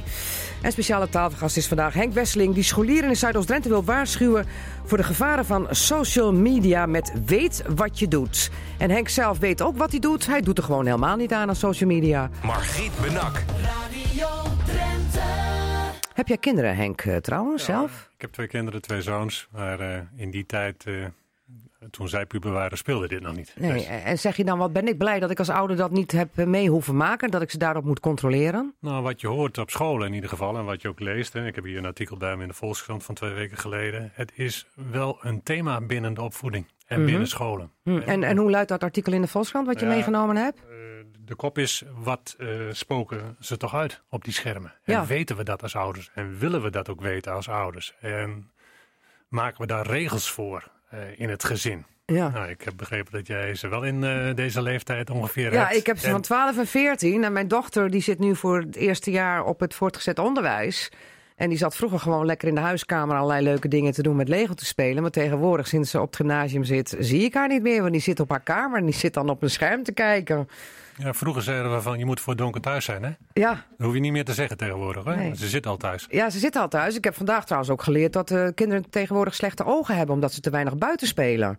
Huh? En op die schermpjes zitten te koekeloeren. Echt waar? Ja, staat vandaag in de krant. Dus ik dacht ook zoiets van, oh, weer een reden om te zeggen, jongens, erop uit. Ga hutten bouwen, ga in bomen klimmen, maar dan word je voor gek uitgemaakt. Ja, dat, eigenlijk. Dat, dat, wat wij vroeger deden buiten, dat gebeurt haast niet meer. Hè? Op 11, 12-jarige leeftijd heeft iedere leerling een smartphone tegenwoordig. Ja, ja. Uh, zo al niet eerder soms. Want je ziet soms kinderen met een telefoon lopen dat je denkt van... Uh, hoe oud is die? Acht? En dan al met een smartphone rondlopen. Maar moet je als ouder ook altijd alles willen weten wat zij op social media doen? Wat mij betreft niet. Nee. Nee. Maar uh, er zijn wel tools voor. Uh, dat kan. Uh, je kan even kijken wanneer ze voor het laatst online zijn geweest. Hè? En als dat midden in de nacht is, dan moet je toch even zorgen maken misschien. En dan moet het gesprek aangaan. Maar ik zou niet alles willen weten, nee. nee. En dat wisten mijn ouders vroeger ook niet. Nee, bij mij ook, niet. En dat is goed. Dat moet ook vooral zo blijven, denk ik. Ja, maar um, uh, nou is dit project, hè, weet wat je doet, toch een waarschuwing voor de gevaren van social media. We hebben het net uh, voor één uur al gehad over sextortion, hè, waarbij je dus als, als uh, jongere vooral geen uh, naaktfoto's of zelfs beeld van jezelf moet sturen, omdat daar zomaar een groep achter kan zitten die jou uh, een paar duizend euro lichter wil maken. Um, sexting, hè? foto's sturen naar je vriendje en later maak jij het uit en dan wordt het vriendje boos en die verstuurt die blootfoto naar Jan en Alleman. Wat voor en gamen heb je net al uitgelegd. Uh, dat gamen ook een, een, uitvlucht kan zijn voor iemand die daar in toch een soort erkenning zoekt. Wat voor gevaren zijn er nog meer, Henk? Nou ja, dit, dit zijn wel de drie belangrijkste gevaren echt. Uh, maar daarnaast ook het aantal uren wat je uh, op, op, social media zit. Hè. Um, stel je gaat huiswerk maken smiddags, want dat hoort er tegenwoordig nog steeds bij. Hè. En jouw mobiele telefoon ligt naast je. En ping, ja. Ja, automatisch. Ja, zo werkt het, uh, het brein nu een keer. En dat is uh, uh, ja, aantrekkelijk om dan toch direct dat ding te pakken en te kijken wie hebt mij of nou ja, enzovoort. Dat geldt niet zo alleen voor scholieren, dat geldt denk ik ook voor, voor ons allemaal. Hè? Mijzelf en de, ja. de volwassenen. Ja, dat geldt voor ons allemaal. Wat heel grappig was, dat vertelde die Laurens Veldman ook afgelopen woensdag. En dat was voor die mij, gameverslaafde, die, gameverslaafde, die ervaringsdeskundige. Hoe, hoe werkt dat met gameverslaving? Maar het werkt ook bij ons Als ik ehm, naar een eh, film op Netflix kijk en uh, er komt een nieuw seizoen The Bridge uit. En dat vind ik dan toevallig leuk. Ja. En ik zet hem om s'avonds om tien uur aan en dan eindigt aflevering 1. En dan komt er een cliffhanger. En hm. tegelijkertijd 10, 9, 8, 7. Ja. En de volgende aflevering begint. En voordat je het weet, zullen we nog één doen? Ja. In feite is dit hetzelfde wat er gebeurt ook met jongeren en gameverslaving bijvoorbeeld. Ja. Het, het is aantrekkelijk. En met gameverslaving ben je nog eens een keer, als je daar echt heel goed in bent, wat ik net al vertelde in, de, in het eerste uur, dan ben je iemand. Mm -hmm. ja. Nou, met als gevolg dat je dan in die wereld van uh, gamen iemand bent, maar uiteindelijk op school um, zakt. Omdat je uh, tot in middernacht uh, zit te gamen. En dat, daar zit gewoon een hele... Uh, verbieden heeft geen zin, laten we dat even... heeft geen enkele zin. Nee, want verbieden maakt soms nog eens een grotere uitdaging. Want alles wat verboden is, is juist leuk om te doen. Maar het is voor docenten lastig om ermee om te gaan soms. Hè? Want die dingen onder de tafel is het niks spannender dan om even een berichtje te versturen naar mhm. je uh, klasgenoot die in een andere klas zit, zeg maar. Naar een leerling die in een andere klas zit. Dus dat is voor docenten lastig. Dus je moet eigenlijk, als je ander gedrag wilt van leerlingen, zeg ik altijd, moet je het organiseren. Ja. Nou, uh, op scholen, uh, volgens mij, mag ik Nico zeggen? Ja, ja, Nico Opgeschoten, uh, forumlid al, fractievoorzitter van de PVV in de Staten, maar die zit hier nu aan tafel. Uit het onderwijs in ieder geval ook vroeger, volgens mij. Um, ja, ik ook trouwens. Jacob ook al. Ik heb 20 jaar voor de klas gestaan. Jacob Eerst college in Borger. Oké. En toen kwam, dat is al meer dan 20 jaar Allemaal onderwijsmensen hier aan tafel. Toen kwam de Tamagotchi op. Oh ja, dan moest je voeren, hè, dat beestje. En dan moest je voeren en dan gaat het een signaaltje af. Dus ik nam zo'n zo'n Tamagotchi. Anders ging dood, hè? Ja, dat, nam ik in beslag. Ik zei, aan het eind van de dag kun je hem weer krijgen. En dat kan niet. Jongetje begon te huilen. En zei dan, nou, dan gaat hij dood. Ja, ja. Dus dat, was, dat is al meer dan 20 jaar geleden. Ja, en dat, dat, was al dwingend hè? Ja. voor zo'n voor zo'n kind. Ja. Maar ik merk ook van, met die games, dat er ook games zijn dat je credits moet kopen. Anders kun je niet meedoen. En dan gaat het ook nog... Geld kosten. Geld kosten, ja, ja, ja. ja, maar jij zegt van je moet het organiseren. Even kort nog. Wat, wat, hoe hoe organiseer je dat? Ja, dat, als ik pas klaar antwoord had, dan had iedereen dat al. Maar um, om een voorbeeld te geven, uh, je kan zeggen met. Uh, nou, wat je nu ziet op, op, scholen en klaslokalen is van tevoren soms moet de mobiele telefoon in een ja. bepaalde. Uh, het Nassau College was ik geweest en daar hing een soort brillen ja. ding waar dan de mobieltjes in pasten. Nou, Iedereen moet dan in het vakje mobiele doen en klaar. Ja, dat is een oplossing. Ehm, je kan ook zeggen van, moet luisteren, we werken het eerste half uur. Uh, die dingen zijn allemaal weg. En je maakt er een afspraak over. Daarna krijg je vijf minuten of drie minuten of zes, maakt me niet uit. Om eventjes te checken en dan gaan we weer verder. Ik zeg niet dat dat de oplossing is, mhm. hè, maar je moet nadenken over hoe je dingen gaat organiseren. Um, nou, wij weten allemaal, uh, ik zelf uit eigen ervaring, ik heb vroeger ook gespijbeld. En spijbelen met straffen, dat, natuurlijk moet je dat doen. Maar het helpt niet. Het spijbelen gaat er niet anders worden. Mijn vorige school was in de bovenbouw, was spijbelen een, uh, nou, regelmatig. En je vraagt ouders op school en uh, je straft die leerlingen een week met vierkant rooster. Helpt geen bied. Het wordt er niet anders van. Het wordt er niet minder van. Het spijbelen blijft. Totdat, dus, totdat je iets organiseert en denkt van wacht even, dan gaan we het zo doen. En wij hebben toen Je bedoelt dus eigenlijk meer uh, preventief dan de repressie? Ja, ja, precies je kan niet zonder repressie af en toe. Dat, dat, dat lukt niet. Uh, maar er moet wel, wel een sanctie op staan. Ja, je kan wel zeggen van, maar luister, als je wil spijbelen, prima. Mm Moet je vooral doen. Alleen als wij je betrappen, dan staat deze maatregelen tegenover. En straffen helpt dus niet, maar wel, je verliest je recht op herkansing in de bovenbouw. Oeh. Oeh. Ja, dat is wel even een ander Meneer, u zorgt ervoor dat wij niet slagen. Ja. We draaien het keurig om, hè? Ja, ja, ja. En, uh, Niks veranderd, zo. Nee, dat is altijd okay. voor alle dagen. Maar uh, ik zeg, hoezo? Eh, je mag rustig spijbelen. Alleen als jij die gok waagt, dan is dit de sanctie. Ja, dat is een hele dure gok. En dat is een dure gok. Ja. En dat hielp. Okay. Dat hielp. Maar wat, wat, mij ook bij dit soort onderwerpen altijd opviel op school. Je maakte dan afspraken. En de ene docent hield zich er wel aan en de ander niet. En dat was, dus je moet wel één lijn trekken. Ja, maar dat, dat heb ik nog nooit meegemaakt dat docenten dat doen. Want er was de een was, ah, we maken ons druk Je hebt de rekkelijken en de preciezen. Overal. Maar, daar, daarmee wordt het dus ook heel moeilijk om iets te regelen op school. Okay. Het, het, Forum bemoeit zich er al druk mee met dit onderwerp. Henk, wij praten straks uh, nog even een keer verder over uh, weet wat je doet. Uh, en uiteindelijk dat het ook na één week niet afgelopen is. Maar het is nou de hoogste tijd voor. Cassata, het radioforum. Ja, en, en eigenlijk hoeven zichzelf bijna niet meer voor te stellen, want de luisteraars herkennen waarschijnlijk de stem sowieso wel van het forumlid. Jacob Bruintjes, uh, voorzitter van de Partij van de Arbeid in Drenthe en ik woon in het mooie Borger. En uh, komt uit het onderwijs ooit, hè? Ja, Voordat hij wethouder werd, in de politiek ja, ging. Ja, ja. onderwijservaring. En daarna zit... Nico Huppelschoten, fractievoorzitter van de PVV in de, de Staten van Drenthe. En ik woon in Eelde en ik heb tot mijn pensionering in het onderwijs gewerkt. En waar dan, uh, Nico? Of waar? Nou, in uh, Groningen het Zennike College. En Friesland, het Friesland College. En was je dan onderwijzer of directeur? Wat was je? Oh, ik, ik ben uh, in, het, uh, in het midden van het land ben ik uh, leraar geweest, leraar wiskunde. Wiskunde? Ja. Oh, je hebt een wiskundeknobbel.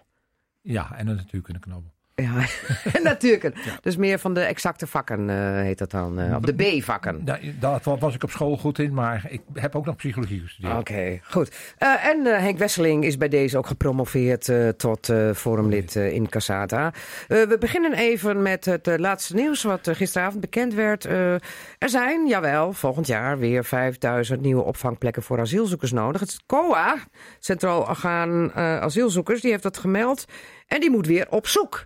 En er werd gezegd, de vorige methode dat de commissaris van de Koning gaat praten met gemeenten van jongens, waar kan het? Dat was zo goed bevallen, dus Annie Broekers-Knol zegt nu, dat moet maar weer. Nou, Nico Uppelschoten, laat maar komen. Uh, nee, Jetta Kleinsma aan de slag met de gemeente? Oh, dat zal ze ongetwijfeld uh, graag doen. Maar ik heb het idee dat we in Drenthe nog steeds veel uh, uh, ja, asielzoekers, maar ik weet niet of het asielzoekers zijn, want ik weet ook niet eens waar deze 5000 hier vandaan komen. Ik denk dat het met name uh, migranten zijn uit Noord-Afrika, neem ik dan maar aan. Want ik kan me niet voorstellen dat ineens een stroom asielzoekers weer is toegenomen. Nou, ook uit Syrië, dus niet, uh, niet alleen dat. Maar, nee, maar dat, dat, zal vast. Maar waar, waar nou ineens zo'n grote stroom dan weer vandaan komt, dat zal vast niet alleen uit Syrië zijn. Het, uh, het is deze zomer weer toegenomen. En het afhandelen van de asielaanvragen, waarvan ze altijd hebben gezegd, het duurt te lang. Het duurt te lang en daar gaan we wat aan doen. Het duurt weer te lang door personeelstekort bij de IND, nee. de Immigratie- en Naturalisatiedienst. Ja, maar ik zou, ze, ik zou wel eens willen weten uh, van wat nou de verhouding is van het plaatsen van uh, asielzoekers, als ik al asielzoekers mag noemen, want dat, dat, mm -hmm. daar, zit, daar, heb ik toch grote moeite mee, over het land. Mm. Want ik heb idee dat de vorige nou, keer, in, in, vorige keer veel, heel veel mensen in Drenthe hebben opgenomen. En uh, in de Randstad wordt dan voortdurend geschreeuwd dat van alles ja. moet gebeuren. Nou, laat die maar eens een keer. Uh, ik had gedacht dat een wiskundeleraar toch wel even met cijfertjes aan de slag was geweest. Want het is dus zo dat Drenthe al dik 3000 asielzoekers uh, heeft. In vier centra. Die zitten ja. in Emmen, Assen, Hogeveen en Zwelo. En verhoudingsgewijs vangen wij in Drenthe veel heel veel op. Zuid-Holland heeft 2000. Ja. Ja, nou. nou, op hoeveel inwoners? Wij hebben 450.000 nou, inwoners. Veel, veelvoud. Ja, een paar ja. miljoen. Ja. ja. Dus wat zegt Jacob Bruintjes dan? Drenthe nou, moet niet vooraan gaan staan? Nou, weet je, ik, ik, ik heb al nou uh, in de gemeente waar ik woon al twee keer meegemaakt dat er een AZC zou komen, maar dat er niet kwam. Mm -hmm. uh, en laatst was in uh, 2016. Uh, ja, want toen moest op slag en stoot iedereen ja, onder stoom en staatssecretaris Dijkhoff toen nog. Op, en en Ooster Hesselen weten we ook nog wel. Dat was begin 2017. Ja. Toen was er heel veel druk en er moesten en iedereen aan de slag. En ik moet zeggen, in Borgen verliep dat proces heel, vond ik zorgvuldig en goed. Ook weinig uh, oproeren, gewoon nou, mensen met, met elkaar uh, verstandig in gesprek. Mm. Toen ging het niet door. En toen heeft de gemeente daar gezegd: ja, luister. Wij gaan nou niet uh, ten eeuwige dagen die ruimte reserveren. De discussie is gesloten en dat gaat niet door. Dus ja. einde verhaal. Ja. En ik denk dat het heel moeilijk zou worden, persoonlijk, om in Drenthe nou ja. plotseling nog weer nieuwe plekken te vinden. En, uh, en dan is het ook nog maar. Ik vind ook wel dat je. Uh, het draagvlak wordt al over gesproken. daar worden dit soort manverhoudingen en aantallen. gaan daar ook een rol in spelen. En Broekers-Knol heeft zelf gezegd. Ik wil naar een evenrediger verdeling. Ja. Daarmee heeft ze zich wat Drenthe betreft denk ik vrij moeilijk gemaakt. Ja, ja. nee, en, en bovendien, we hadden een situatie waarbij gemeenten heel ver waren. Bijvoorbeeld in Gieten was Erik van Oosterhout, toen ja, al burgemeester ook, van Aanhunsen. Heel ver met een asielzoekerscentrum, met een locatie. Die had uiteindelijk toch ook ja. bijna iedereen zover dat ze zich daarin konden vinden. En die zei van, toen ging het race niet door. En die hebben toen een dikke rekening, net als andere gemeenten, bij het COA neergelegd of bij het Rijk. Van ja, we hebben zoveel voorbereidingskosten gemaakt. Ja. Maar maak er nu gebruik van en zorg ervan dat het hier dan een soort tussenopvang wordt. Dat je voor noodgevallen er toch terecht kon. Want we hebben toch een planologische procedure doorlopen. Is niet naar geluisterd. Nee, men, men, dus men, men, je, je, ziet altijd uh, wel wisselingen in de, in de instroom van, uh, van uh, uit andere landen. Ik ga ervan uit dat het vluchtelingen zijn, maar er zijn mm. wel wisselingen in. Ja, ja. En dat weet je ook. En vervolgens gaan we toch denken van, nou, wat vandaag gebeurt, dat is voor de toekomst vastgelegd, voor tien jaar. En dat is niet zo. En dan word ik iedere keer verrast en overvallen. We zijn dan met de derde staatssecretaris in een paar jaar tijd op dit thema. Hmm bezig. En weer komt dezelfde vraag op dezelfde manier weer op. Ja, en weer door hetzelfde probleem. En dat, dat doen we hm. niet goed. Ja. Henk Wesseling, hoe kijk jij daar tegenaan? Ja, ik kijk ook een beetje naar de spin-off. Op, opvang is één. Ja. Uh, lokaliteit gewoon. Uh, ik heb meegemaakt in Hogeveen ook dat we, nou, er zouden er heel veel komen. En dan werden er veel minder. En dan moet je dan als school moet je daarop voorbereiden. Hoe doe je dat dan? Want je weet niet hoeveel er komen. Je moet mensen inschakelen. Zijn die er? Hoe doe je dat als school in je begroting? Dat is, daar zit een, een mhm. spin-off achter. Uh, heel veel vergaderen. Uiteindelijk kwam er een handjevol. Ja. Ja. ja. En toen was er ruimte over en toen dachten ze van... hé, hey, we zoeken nog een plek voor hele lastige asielzoekers. Nou ja. Die kwamen toen in. ook in Hoogveen. Die gaan nu weg. Ja. Daar komt weer ruimte vrij. Daarvan zou je met recht kunnen zeggen van... nou ja, als die ruimte er toch is, vul die dan in. Ter Apel vraagt toch om nu een extra plek waar hele moeilijke asielzoekers ondergebracht kunnen worden. Ja. Dat met name de, de mensen uit Marokko en, Al en Algerije. Ja. En ik wil, als het dan toch leeg staat, misschien is dat een oplossing. Maar ter Apel willen ze ieder geval een scheiding tussen de, de, ja. degene die dan echte vluchtelingen zijn, laat ik zo zeggen. En degene uit land, die het landen komen van het. Uh, ja, en die weer teruggestuurd moeten worden. Terug moeten. Ja, ja, ja. Maar daarvan heb ik alweer gehoord van mensen die daar werken. Van je stuurt ze terug, maar je ziet ze binnen een half jaar weer terug. Ja, ja. Maar het probleem is volgens mij dat we niet goed inspelen op die wisselingen. Dat, we, dat we geen capaciteit achter de hand houden. En dan iedere keer weer opnieuw procedures in moeten. Dat heeft Erik van Oosterhout toen ook gezegd. Ja, dat is gewoon, dat is gewoon fout. Ja. Maar ik kijk nog eens even naar het staatje. Maar als je inderdaad naar Drenthe kijkt, dan heeft Drenthe met een inwoneraantal van 493.000, dik 3000 uh, opvangplekken. En die scoort daarmee verhoudingsgewijs heel hoog. Want als je dan kijkt bijvoorbeeld naar Gelderland met dik 2 miljoen inwoners. Daar zitten er dik 4000. Geeft daar wel mooi aan eh, over de omvang van het probleem. Hè? Want dat is dus minder dan 1% van de inwoners van de rente waar we het over hebben. Ja. Ja, maar ja, dat gaat nu over de opvang. Het gaat, Als je het gelijkmatig wil verdelen. Ja, ja, ja. Maar eh, nog even de vraag van, moet dan Drenthe vooraan staan om te zeggen van, nee. uh, kom maar heel hier? Heel simpel, nee. Nee, wat zeg jij Jacob? Dat vind ik uh, ligt bij gemeenten. En als gemeenten vinden dat ze daarmee aan de slag moeten, dan moeten ze dat melden. Maar daar ligt de verantwoordelijkheid in eerste instantie en niet bij de commissaris. Ja, maar denk jij dat, jij zegt al, de gemeenten zullen niet meer zo staan te trappelen, omdat ze de vorige keer al... de ervaringen uit het verleden, dat men niet staat te trappelen. En wat zeg jij Henk? Nou ja, de eerste opmerking was van beide heren. Uh, Broekers-Knol heeft gezegd evenredigheid. Ja. Nou ja, en met deze staatjes kun je zeggen van nou, Drenthe doet wel uh, aardig zijn best. Ja. De onderwijsstaking wil ik het toch nog even over hebben. Want als ik hier drie uh, oud-onderwijzers en eentje nog heel actief. Nou, nog een jaar actief, Henk Wesseling. Want jij bent 64, gaat volgend jaar eruit, heb ik begrepen, in het voortgezet onderwijs Zuidoost-Drenthe. Ja. Um, de onderwijsstaking. Ja, iedereen was eerst dat weekend uh, voorafgaand. Ik had het toen ook in Cassata eruit gebreid over. Toen hing het nog in de lucht. Gaat het wel door? Gaat het niet door? Staking. Er zou een akkoord zijn. Maar hier bleek toen al tafel al met twee mensen die uh, kaderlid zijn bij de Algemene Onderwijsbond. Dat ze helemaal niet tevreden waren. Staking ging toch door. Maar uiteindelijk heeft het niks opgeleverd. Nico uh, Schoot, hoe kijk jij er tegenaan? Nou ja, de, de, de, politiek heeft zich zo hard opgesteld dat het duidelijk was dat er niks zou komen. Ik bedoel, ja.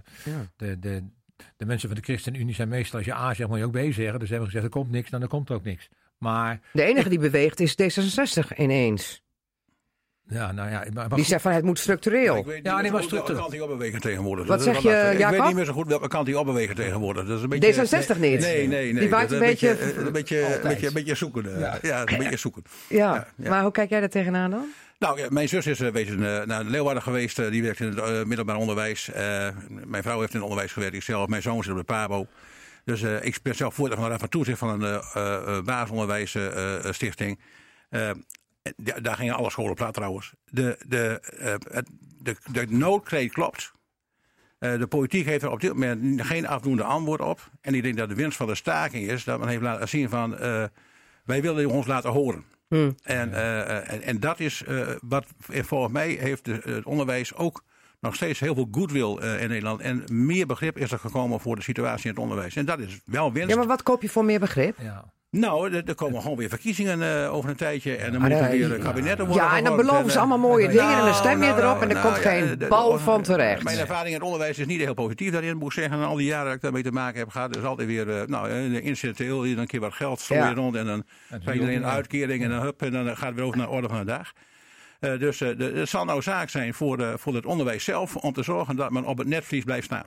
Oké, maar ik heb in ieder geval al een appje gehad vanochtend van het kaderlid van de AOB, de Algemene Onderwijsbond, dat er in ieder geval deze week weer uh, de koppen bij elkaar wordt gestoken en dat het hoofdbestuur uh, komende week uh, waarschijnlijk weer nieuwe acties gaat uitrollen. Wat zeg jij dan, Henk Wesseling? Nou ja, ze hebben gelijk. Uh, het woord structureel is al gevallen en dat valt om de havenklap op. Ja, iedereen dacht, oh yes, 460 miljoen. Ja. En even later, oh, het is eenmalig. Dat schiet niet op. Nee, nee de problemen zijn ook groot in het onderwijs. En uh, uh, er zijn nog wel wat verschillen tussen basisondersonderwijs en voortgezet Ja, jullie verdienen genoeg, of niet? in het voortgezet onderwijs. Volgens mij, volgens mij had ik het niet over financiële verschillen, maar, nee. maar er zijn oh. wel wat verschillen. Oh, okay. ook in, in werkdruk verschillen, vind oh, ik. Oké. nee, want basisonderwijs wil namelijk gelijk getrokken worden met voortgezet onderwijs qua salariering. Ja, gelijk aan. Oké. Okay. Volkomen gelijk. Ja hoor. Dat weet ik niet. Dat weet ik niet. Dat weet jij. Volkomen gelijk. Nee, nee. Hoezo nou, weet ik, jij dat niet, uh, nou, Nico? Ik heb het idee van. Uh, ik zou hele goede docenten in het voortgezet onderwijs willen hebben. En met name me mensen die een universitaire opleiding gedaan hebben. En dan denk ik toch dat je daar een wel hoger salaris voor moet bieden. Dan de mensen die een, een PABO gedaan hebben. Oké. Okay. Dus ik, ik, ik, ik ben niet zo van het egaliseren dat alles en iedereen gelijk is. Dat betekent dat de mensen die in de basis liggen, die hoeven niet zo erg betaald te worden. Nou, basis niet, niet zo voor. Maar daarna, dan gaat dat echt pas los. Nou, dat lijkt mij niet. Okay. Ik verdiende bijna duizend gulden, gulden nog in die tijd per maand meer dan mijn collega's in het basisonderwijs toen ik uh, actief was. En ik heb nooit begrepen maar dat wat, verschil wat, wat, wat, wat deed jij in het voortgezet onderwijs? Ik was uh, leraar Engels en Duits. En, uh, jij Engels en Duits? Ja, ja, oh, ja. En, deed nog, en deed nog een beetje een schoolleiding. En, uh, en jij verdiende duizend gulden meer dan een collega voor dezelfde uren in het basisonderwijs? Ja, ja, maar uren zijn, niet, uren zijn niet hetzelfde, neem ik aan. Maar ik, ja, geef gewoon volledige baan. Volledige baan. Oh. Staak je nog? Kijk, ik, er moet structureel geld bij. Hè, maar, ja. Maar ik heb in. Uh, nou, Doordat er te veel werkdruk is, te weinig docenten. Ja, ja, nee, ja maar goed. Iets, structureel ze aanpakken. Ik heb dus in de loop van mijn onderwijscarrière, nou die is dus ook uh, 30, 35 jaar geweest, ook gezien, er, er komt wel steeds meer geld naar de scholen toe. Maar er gaan ook andere dingen voor gebeuren. Dus laat ik maar zo zeggen, leerlingenbegeleiding is veel groter geworden. Een orthopedagoog. Zo, uh, ja, maar ik begrijp wel dat de problemen ook meer ja, zijn. Ja, maar er is al meer geld naar scholen gaan. Maar dat is niet bij de docenten terecht te komen. Nee. En uh, als er nu ook een docententekort komt, hè, wat je dan ziet in het basisonderwijs voorstel, zou je dan niet moeten kijken dat docenten vooral moeten zorgen dat er lessen gegeven worden. En dan wordt er dus noods op die andere dingen teruggedraaid. Want de basisvoorziening toch is dat je onderwijs verzorgt. Mhm. En als je niet voldoende handjes voor de klas hebt, laat ik het dan maar zo zeggen. Ja, dan moeten je in andere dingen durven strepen omdat het onderwijs voor moet gaan. Ja, ja dus je, maar goed, is dat dan ook niet onderwijs? Uh, uh, die extra begeleiding, dat valt er dan toch ook onder? Nou, vind ik niet. Niet. Begeleiding is wel heel belangrijk. Hoor. Maar als je prioriteiten moet stellen, dan moet er gewoon onderwijs okay, Maar dat is toch een gevolg van passend onderwijs, denk ik dan, Henk Wesseling? Ja, dat, is, dat is passend onderwijs. Die extra begeleiding is door passend onderwijs in het huidige systeem in te vlechten. Maar dat werkt het ook. Dat klopt. Henk Wesseling even, die is nog ervaringsdeskundige, want die zit er nog in. Jullie zijn er al een paar jaar uit, mannen. Ja, maar ik ben er wel betrokken. Werkt het ook. Vroeger is dood, hè, mannen? Ik ben er niemand tegengekomen in het onderwijs die enthousiast was, maar misschien mijn buurman wel over het begrip passend onderwijs. Ja, nee, maar dat is weer een andere discussie. Hè? Nee, dus eigenlijk... Maar goed, en ik weet niet of Henk daar zo blij mee is, maar het kost wel een hoop extra geld. En energie. Um, en, energie. en mensen. Ik ben, nu, ik ben, nu, een jaar uh, directeur van het samenwerkingsverband, ruim een jaar. Met ook passend onderwijs daarin? Met passend onderwijs uiteraard. En uh, we zijn daar heel drukdoende mee in uh, Zuidoost-Drenthe.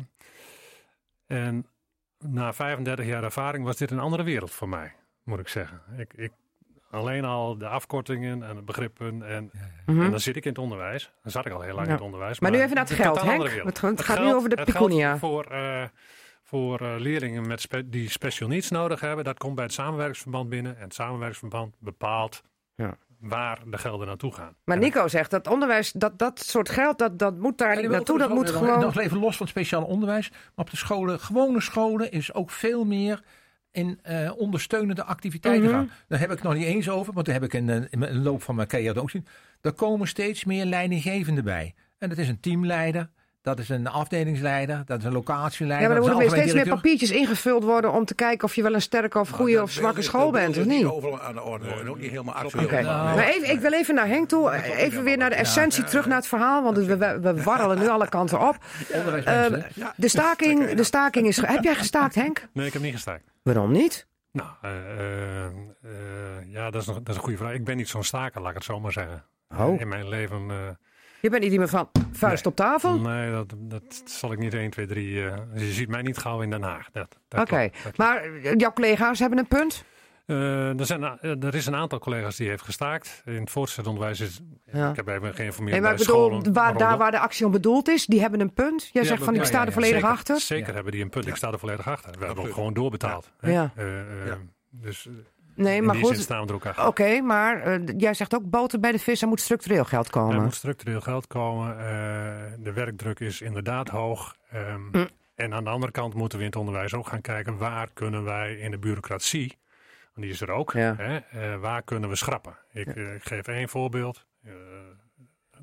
Ja, als je jarenlang in het onderwijs zit, er werd bij ons elke maandag van 9 tot 12 door de directie vergaderd.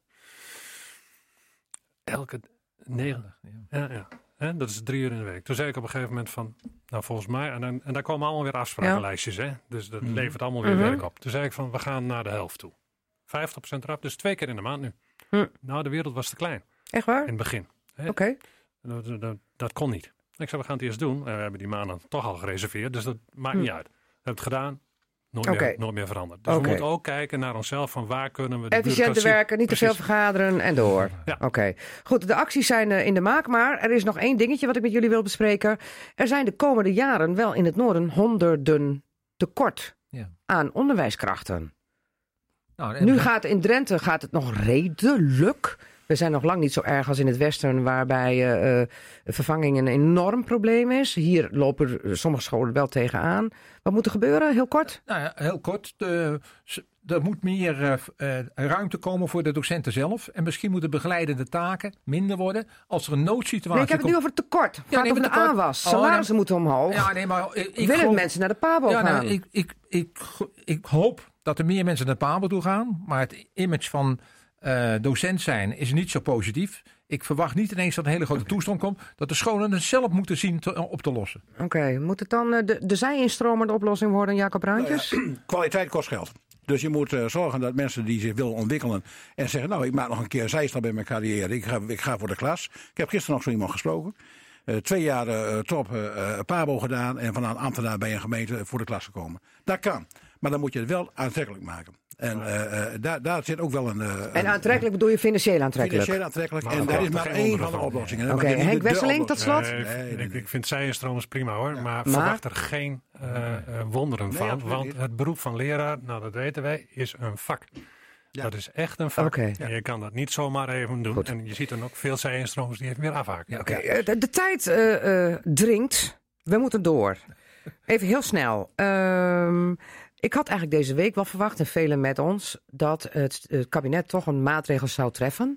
Uh, bijvoorbeeld de snelheid op de snelwegen omlaag. We zullen, uh, ik las ergens iets heel grappigs, heel, 100, heel Holland naar 100. Ja. Zie je dat gebeuren, Henk Wesseling? Lekker met 100 naar Emmen rijden, over de snelweg? Ja, ja, ja, het is een symbool. Als het is, is, is het zo. Uh, persoonlijk vind ik 100 een, eh, een hele saaie snelheid. Maar uh, als het is en als het nodig is. Maar misschien moet er in de toe. Dit is even een hele. Stikstof, hè? Het stikstofdossier. Ja, stikstof, dit is even uh, de korte termijn uh, om, ja. om, om, die bouw weer op gang te helpen, zeg maar. Maar dan zal er toch wel uh, wat anders moeten gebeuren uh, met de stikstof. En ik hoop op een andere manier. Oké. Okay. Dus, Autoloze zondag, Nico, nou, erbij? Vind, nee, ik vind het echt weer de zinloze symboolpolitiek waar de, de regering zo sterk in is. Want je, ik, ik, heb net de cijfers van de BOVAG gezien. Dus als je gaat van 130 naar 100, dan levert dat een kwart procent op minder uitstoot. Want je moet je ook denken, de vrachtwagens... Alle beetjes helpen, Nico. Ja, nee, maar een kwart procent, we hebben het over. De vrachtauto's blijven gewoon 80 rijden. Nou, de oude vrachtauto's uit het buitenland blijven ook rijden. Heel veel mensen rijden niet 130. Die gaan dan van 110 of 120 als 100 rijden. En dat levert bijna niks op. een autoloze zondag dan? Helemaal onzin. Oké.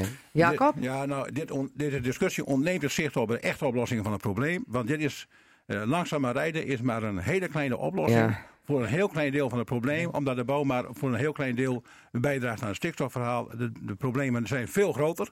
Daar moeten we het over hebben. En die zijn zo ingewikkeld dat het kabinet daar niet snel uitkomt. Nee, maar er is hoop. Er is een speciale stikstofbaas benoemd. Ja. Op nou, het ministerie van nou, Landbouw. een zekere Helen van Dongen. We kunnen allemaal rustig gaan slapen nu.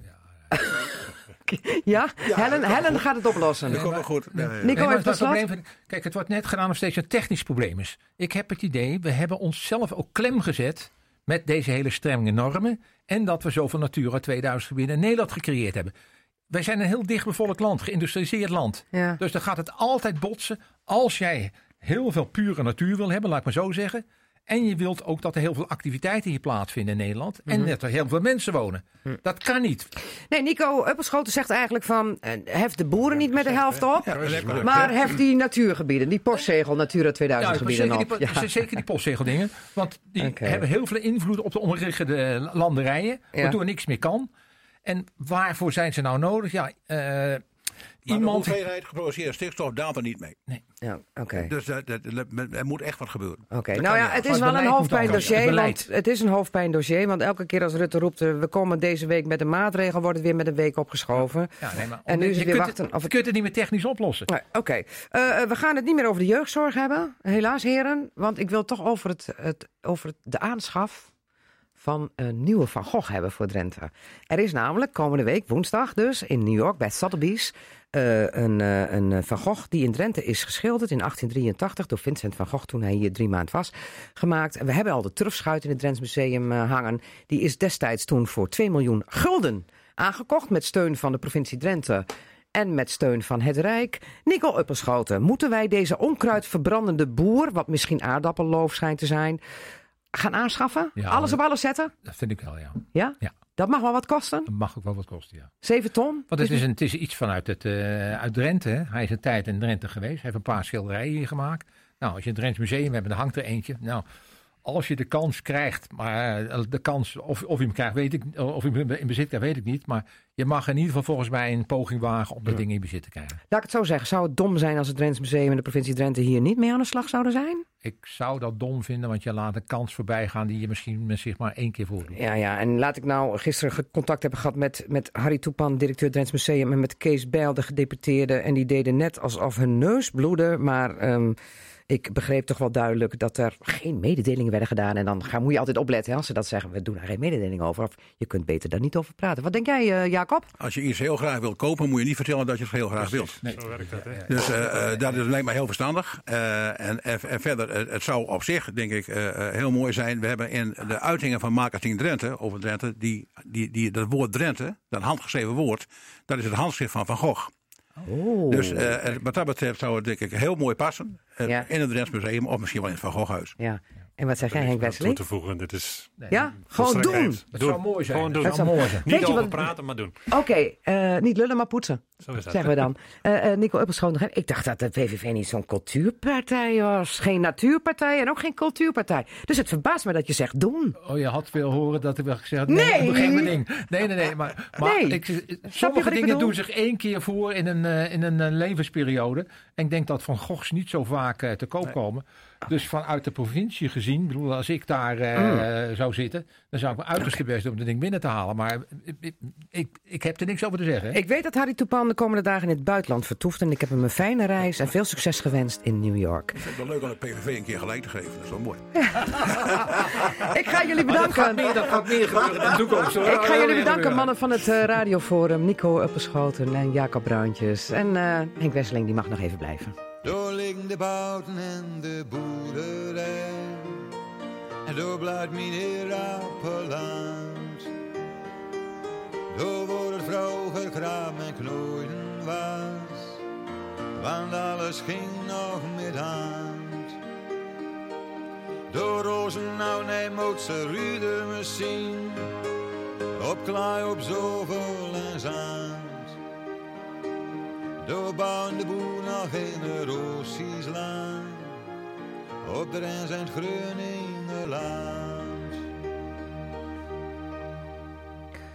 Ah, wat is dit toch een mooie plaat van. En dat wordt afgekondigd door de voorzitter van de Raad van Commissarissen van AVB. Want dat viert een feestje, 100 jaar. En speciaal voor AVB draaiden we dit prachtige nummer. En Marijke Volkers, voorzitter van de Raad van Commissarissen. Wie was dit? Dit was Ede Staal met Meneer Appeland. Ja, onmiskenbaar. Het verzoek kwam van jullie, van AVB, om dit te draaien. Want dit nummer zegt eigenlijk alles over de veenkoloniën en de eerappels. Ja, en ze is speciaal geschreven zelfs. Uh, voor AVB. Dus uh, oh ja. het is een heel speciaal nummer. Ja. Want het nummer komt uit, ja, wanneer? Ik heb ergens hier een. Nee, ik heb het niet op het briefje staan, maar het is speciaal even op het laatste moment geregeld. Uit welk jaar komt dit nummer? Weet jij dat ik nog? Ik heb geen idee. Het was wel in ieder geval uh, heel tijd geleden al, want hij is al heel wat jaren oud. Ja, en dit is uh, dan bij een speciale gelegenheid geschreven door Edestaal ja, hiervoor? Dat, dat denk ik wel, ja. Dat hij dat. Okay. Dus het is, een heel, ja, het is een heel toepasselijk nummer die denk ik voor heel veel boeren heel erg herkenbaar is. Ja. Nou ben je zelf ook boer, hè? want uh, voorzitter van de Raad van Commissarissen klinkt heel duur. Uh, je bent het een jaar net en je bent de eerste vrouw als voorzitter van het aardappelzetmeelconcern. Ja, dat klopt. Hoe voelt dat? Prima. Nee, ja. het, het, gaat mij niet omdat ik vrouw ben. Het gaat mij natuurlijk om de inhoud. Dat ja, nee, maar het is altijd wel leuk als er dan uiteindelijk een vrouwelijke raad van, uh, voorzitter is van de Raad van Commissarissen. En het is in 100 jaar AVB, zeg ik dan, de allereerste keer. Absoluut. En dat geeft ook wel aan dat de AVB in ieder geval uh, het lef heeft om een vrouw daar op die positie te durven neerzetten. Ze ja. zijn duidelijk innoverend bezig. Ja, absoluut. Ja. Op heel veel fronten. Uh, heb je er een beetje zin in uh, komende week? Want maandag is het officieel op 11 november ja. 100 jaar Klopt. dat AVB 100 jaar bestaat. Maar het feestje is... Donderdag. Ja. En hoe gaan jullie dat vieren? Met een soort symposium, jubileumdag, waarbij we heel veel sprekers hebben en heel veel gasten hebben. Dus dat, um, ja, dat wordt een hele bijzondere dag. Ja. 1984 heeft Martin Fuller even uitgezocht dat het nummer Min Eerappelaans... Kijk. Uh, door Bluit, Min moet ik dan zeggen, uh, is uitgebracht door Edestaal. Wij gaan zo meteen uitgebreid, Marijke, verder praten over uh, 100 jaar AVB, de hoogtepunten, de dieptepunten. Ja. Hoe is het ooit zo gekomen, dat AVB? Want dat was voor mij ook een eye-opener. Oh. Dat mag je straks zelf vertellen, want ik wist niet hoe, hoe denk van waarom heet dat nou A, V, B met die E's. Mag je zelf uitleggen zometeen. Eerst nog even naar Henk Wesseling. Onze man die in Zuidoost-Drenthe 1250 scholieren komende week gaat waarschuwen met een speciaal project voor de gevaren van social media. Als je dit allemaal zo hoort, Henk, zou je eigenlijk spontaan uh, denken van kappen met die social media. Maar zo is het niet, hè? want het is toch ook wel leuk. Er zijn heel veel leuke kanten aan social media. Vooral niet, niet mee kappen, maar wel weten wat je doet. En dat ja. is inderdaad het thema, maar niet mee kappen. Nee, zeker Nou niet. is het zo dat volgende week alles uh, um, uh, onder aandacht wordt gebracht. Vooral de gevaren. We hebben net al in Casata besproken wat die gevaren zijn. Zoals sexting en sextortion. Allemaal heel ingewikkelde teksten voor. Uh, stuur vooral jongens, meisjes, geen naaktfoto's van jezelf. Of filmpjes waar je wat aan het doen bent in je blootje. Uh, niet naar anderen, want dat kan je heel duur komen te staan. Je kunt erdoor ook in psychische nood komen. Hè? Want het heeft al geleid in Drenthe een voorbeeld tot uh, zelfdoding. Die er geen raad meer mee wist. Um, maar is het na deze week dan klaar? Nee, nee, nee. nee. Er komt een, uh... Met die scholieren waarschuwen? Nee, nee hoor, uh, dat stopt nooit. En wat ik al eerder zei, elke school besteedt ook individueel wel aandacht aan uh, dit thema. En ik weet bijvoorbeeld, het Estal College heeft eind november een ouderavond voor leerlingen met een, met een theatergroep. Mhm. En die doen dat wel leuk. Die gaan gewoon met ouders in gesprek van hoe kun je nou dat gesprek met je kind voeren? Ja. Als social media of de telefoon dat is gewoon een gespreksonderwerp mm-hmm. in gezinnen. Hoe doe je dat dan? Ja. Dus uh, dat spelen ze. Vervolgens spelen ze hoe het ook kan. Dus ouders krijgen ook een beetje een voorbeeld van... ja, hoe moet ik dat gesprek aangaan? En dat is goed. Ja. Want het is een lastig voor ja. ouders ook. Want ouders spelen net als uh, leerkrachten op school... de mentor een belangrijke rol om toch leerlingen te begeleiden... Ja. in die wereld van toch wel het gevaarlijke social media. Ja, voor ouders geldt ook. Hè. Weet, weet wat je kind doet. Ja. Dat is eigenlijk niet verbieden. Heeft geen zin. Nee. Dan doen ze toch. Um, maar weet wat je doet, weet wat ze doen en uh, heb het daarover met ja, elkaar. En wees vooral als ouder denk ik ook open dat als er een probleem is daarmee, dat ze ook uh, bij je terecht kunnen. Ja, Hè? dat lijkt me uh, zeker het geval. Okay. En er is nog iets wat jullie met Erik van Oosterhout gaan doen? Want er gaan nog leerlingen iets... Ja, na die tijd... met de burgemeester? We doen dit voor de eerste keer. Ja. En we evalueren dus met leerlingen aan het eind van de week die een korte enquête, een flitsenquête invullen van Mhm. nou, wat vond je van de film. Hè? We starten dus met de film. Uh, wat vond je van de lessen? Nou, verbeteringen. En een, uh, van elke school twee leerlingen gaan uh, twee weken later uh, lunchen met de burgemeester. Oké. Okay. En misschien is Erik van Oosterhout dan zo enthousiast geraakt dat hij zegt... we gaan het binnen het Vereniging van Drentse Gemeenten uitrollen over heel Drenthe. Want dan denk ik van, goh, waarom alleen Zuidoost-Drenthe? Ja. Waarom doe je het niet in heel Drenthe? Nou ja, uh, ik ben enthousiast over uh, Erik van Oosterhout en de gemeente, moet ik maar even zeggen. Want ze dragen ook bij aan de kosten. En ze vinden het dus ook belangrijk. Ja. En uh, Nou, ze hebben meegedraaid in de werkgroep. Ja. ze vinden het een belangrijk thema. Maar zou je het niet eigenlijk zo belangrijk moeten vinden dat het een heel Drenthe wordt uitgerold? Het zou prachtig zijn. Oké. Henk, we gaan jou volgen met Weet wat je doet. Want we gaan nou over 100 jaar AVB hebben. Ehm, gefeliciteerd, zeg ik dan alvast. Ook al is het officieel nog niet zo ver, Marijke Volkers. Ja, maandag. Maar uh, maandag is het dan zover. En dan uh, de zetaardappel, of de zetmeelaardappel moet ik dan zeggen. Dat is eigenlijk de kurk waar de veenkolonie op drijft. En waar ook AVB op drijft. Ja, zonder zetmeelaardappel geen AVB. Nee. En AVB, dat, waar staat dat nou voor? Nou, het, is, het is in 1919 opgericht hè, als AVB, dus Aardappelverkoopbureau. Ja. En in 1950 hebben ze ook een eigen fabriek gekregen. En toen zijn de E's erbij ingekomen. Want toen was het natuurlijk niet alleen maar een aardappelverkoopbureau, maar ook een productiebedrijf geworden. Want het begon als aardappelverkoopbureau. Wat uiteindelijk, wat hier dan geteeld werd, wat lang niet zo groot was natuurlijk als nu. Uh, verkocht moest worden. Hè? Ja, er waren heel veel kleine coöperaties in die tijd. De 20 of 30 kleine coöperaties die allemaal een fabriek hadden, die allemaal uh, die aardappels van die boeren verwerkten tot. Kleine fabriekjes, hè? Ja, tot zetmeel. En nou, ze zeiden het is misschien wel eens verstandig om dat samen te voegen, want ze waren eigenlijk allemaal bezig om concurrentie van elkaar te zijn. Um, tot één, op één punt dat te gaan verkopen, zodat er iets wat marktmacht ontstond. En mhm. daar is AVB uit voortgekomen. Ja, die, uh, aardappelver het aardappelverkoopbedrijf. Ja. Wat nu uh, een miljoenenconcern is, uh, ook over de grens. Ja. AVB hetende. hoe groot is het nu in 100 jaar uitgegroeid? Waar hebben we het eigenlijk over? Waar, waar, hebben we het over? We hebben het over een bedrijf met 2300 leden. Ja. En dat zijn boeren in Nederland en in Duitsland. Ja. En 1300 medewerkers. Um, of verspreid over drie vers, Verspreid over, over, over de wereld. Uiteindelijk heb ik ook nog een aantal verkoopbureaus in de rest van de wereld. Maar de, de echte productie en het hoofdkantoor zit natuurlijk in Veendam. En de productielocatie zit in Nederland. Drie. Uh, twee in Duitsland en één in Malmö in Zweden. En als we het dan hebben over de AVB-fabrieken, dan hebben we in Drenthe Gastenijveen. Yes. Uh. En dan Foxhol Foxhol, ja. ja. En dan hebben we het over, als we echte aardappelverwerkingslocaties hebben we het alleen over Gastenijven in het Trapelkanaal. Foxhol verwerkt weer het meel wat er op die locaties geproduceerd wordt. Ja, dus op het moment dat uh, de campagne begint, meestal augustus, september, ja, dan rijden de, de, de, de, gaan de aardappels eruit en die worden dan naar de fabrieken gereden in uh, in het Trapelkanaal. Ja, en in Duitsland dan Lugo en dan Mien. Ja, en er zit ook nog een fabriek in Zweden. Ja, maar die verwerkt ook het meel wat geproduceerd wordt in de Duitse fabrieken. Dus in principe hebben jullie uh, zes fabrieken dan? Zeg ik dat goed? Ja, okay. goed. En um, over hoeveel hectare bluit het Eerappellaand? 40.000.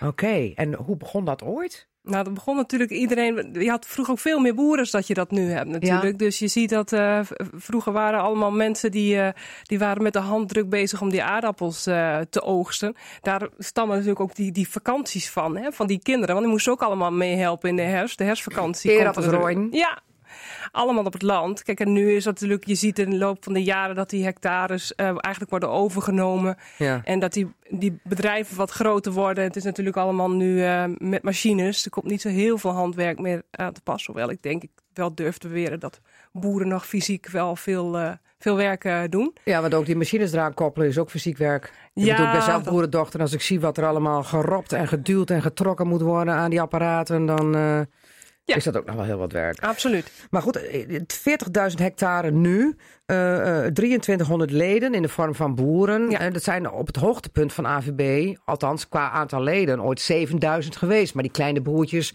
die zijn dan door grotere boeren overgenomen, waardoor het areaal denk ik niet zo veel veranderd is. Het areaal is niet, uh, niet schrikbarend veranderd. Dan kunnen we wel zeggen dat is redelijk stabiel en dat is nu ook een van de doelstellingen. Hè, om niet heel veel meer hectares te willen. Maar om ervoor te zorgen dat we die hectares goed inzetten. Ja, ja goed benutten. De kwaliteit van de aardappel moet beter, groter, mooier. Alleen dan heb je die droogtes hè, van de afgelopen zomers.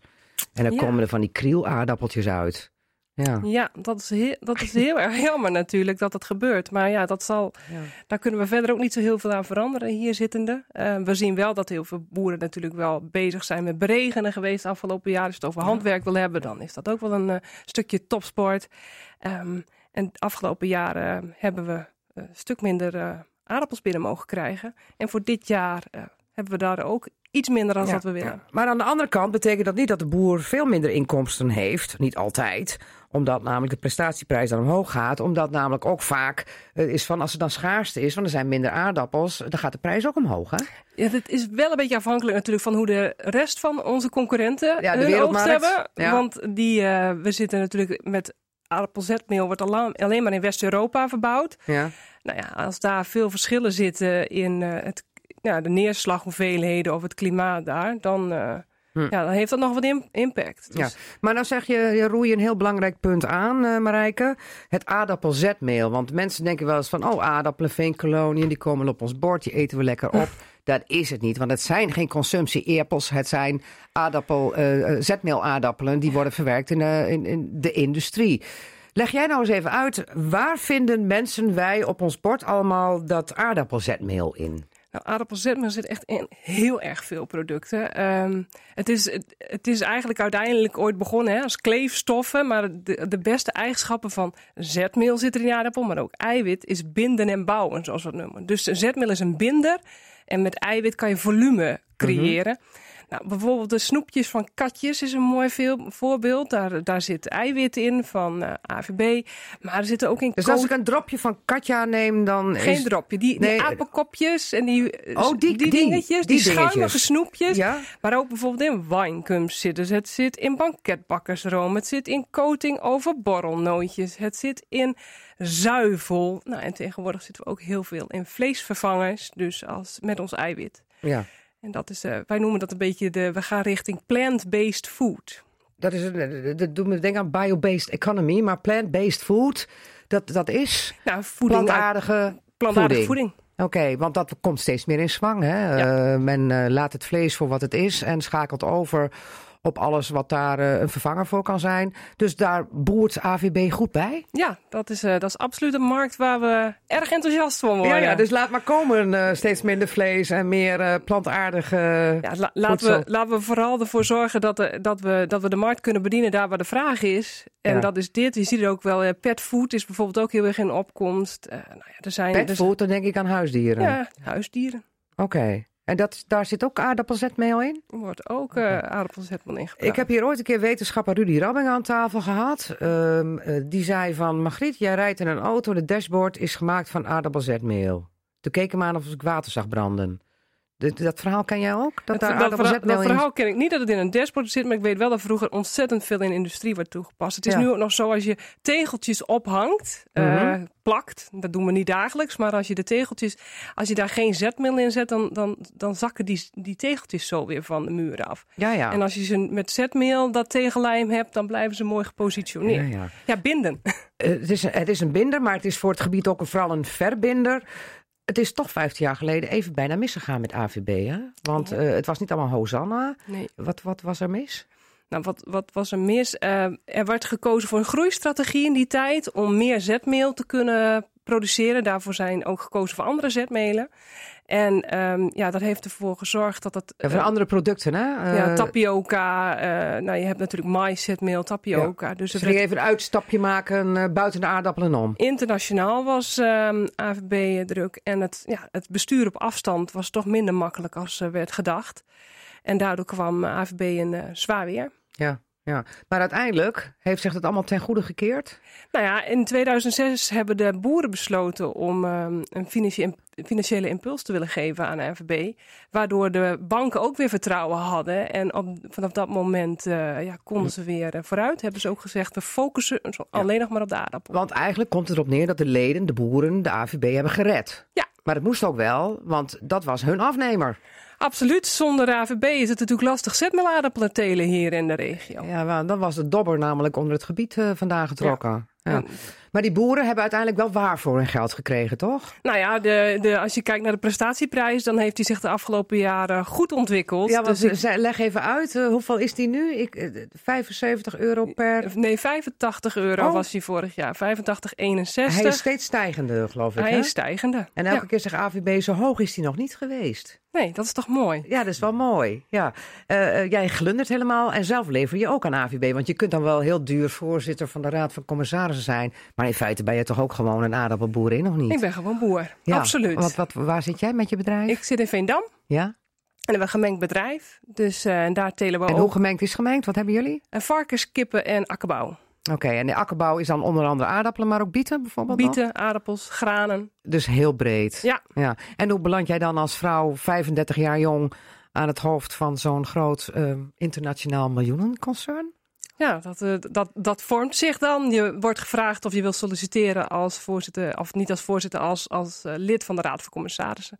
En dat heb ik gedaan. En, ja, en voldoende vertrouwen schijnbaar gekregen om deze uh, plek uiteindelijk te mogen bezetten. Ja, en hoeveel vertrouwen heeft dan de voorzitter van de Raad van Commissarissen in de toekomst van AVB? Want jullie gaan vooral ook innovatief bezig. Jullie zijn met eiwit bezig. Jullie zijn met een bijzonder project in Groningen bezig om uh, allerlei uh, voedingsstoffen toch eruit te halen, waardoor mensen gezonder oud kunnen worden. Ja. Hoe zie jij die toekomst? Is dat een belangrijke toekomst op die manier? Ja, absoluut. Ik heb uh, veel vertrouwen in dat de AVB de goede, de goede richting op is gegaan. Dus de focus houden. Ik zeg wel altijd, blijf een beetje met de, hè, beide benen op de grond staan. We hoeven niet heel uh, Hosanna-achtig te gaan doen. Belangrijk is dat we goed blijven luisteren naar wat onze leden willen. En dat we, we hebben ook gezegd, we gaan wat inzetten op duurzaamheid. Dus ook duurzaamheid op de akker. Mm -hmm. En wij zien ook dat de veredeling van aardappelen, want die hebben wij ook in ons uh, eigen beheer, ja, best wel heel veel kansen biedt okay. voor de toekomst. Even, even heel kort tot slot. 100 jaar betekent koninklijk. Gaat AVB koninklijk worden? Wie het weet mag het zeggen. Oké, okay, uh, houd in de gaten. Dat zou dan donderdag moeten zijn. Ja. Maar ik focus veel plezier met het Eeuwfeest. Boek wordt gepresenteerd. Daar kunnen we bij RTV Drenthe uh, op de website straks ook nog alles over lezen komende week, hoop ik. Henk Wesseling, succes met je projecten. Dit was Casata. En wat mij betreft, fijn weekend. En tot volgende week. Dag. Je luisterde naar Cassata. Dat is te beluisteren als radioprogramma op zaterdagmiddag, maar sinds kort ook als podcast. Net als het programma Drenthe Toen. Vond je het nou interessant? Geef ons dan 5 sterren en laat je beoordeling achter. En vertel het natuurlijk ook aan vrienden, familie en collega's.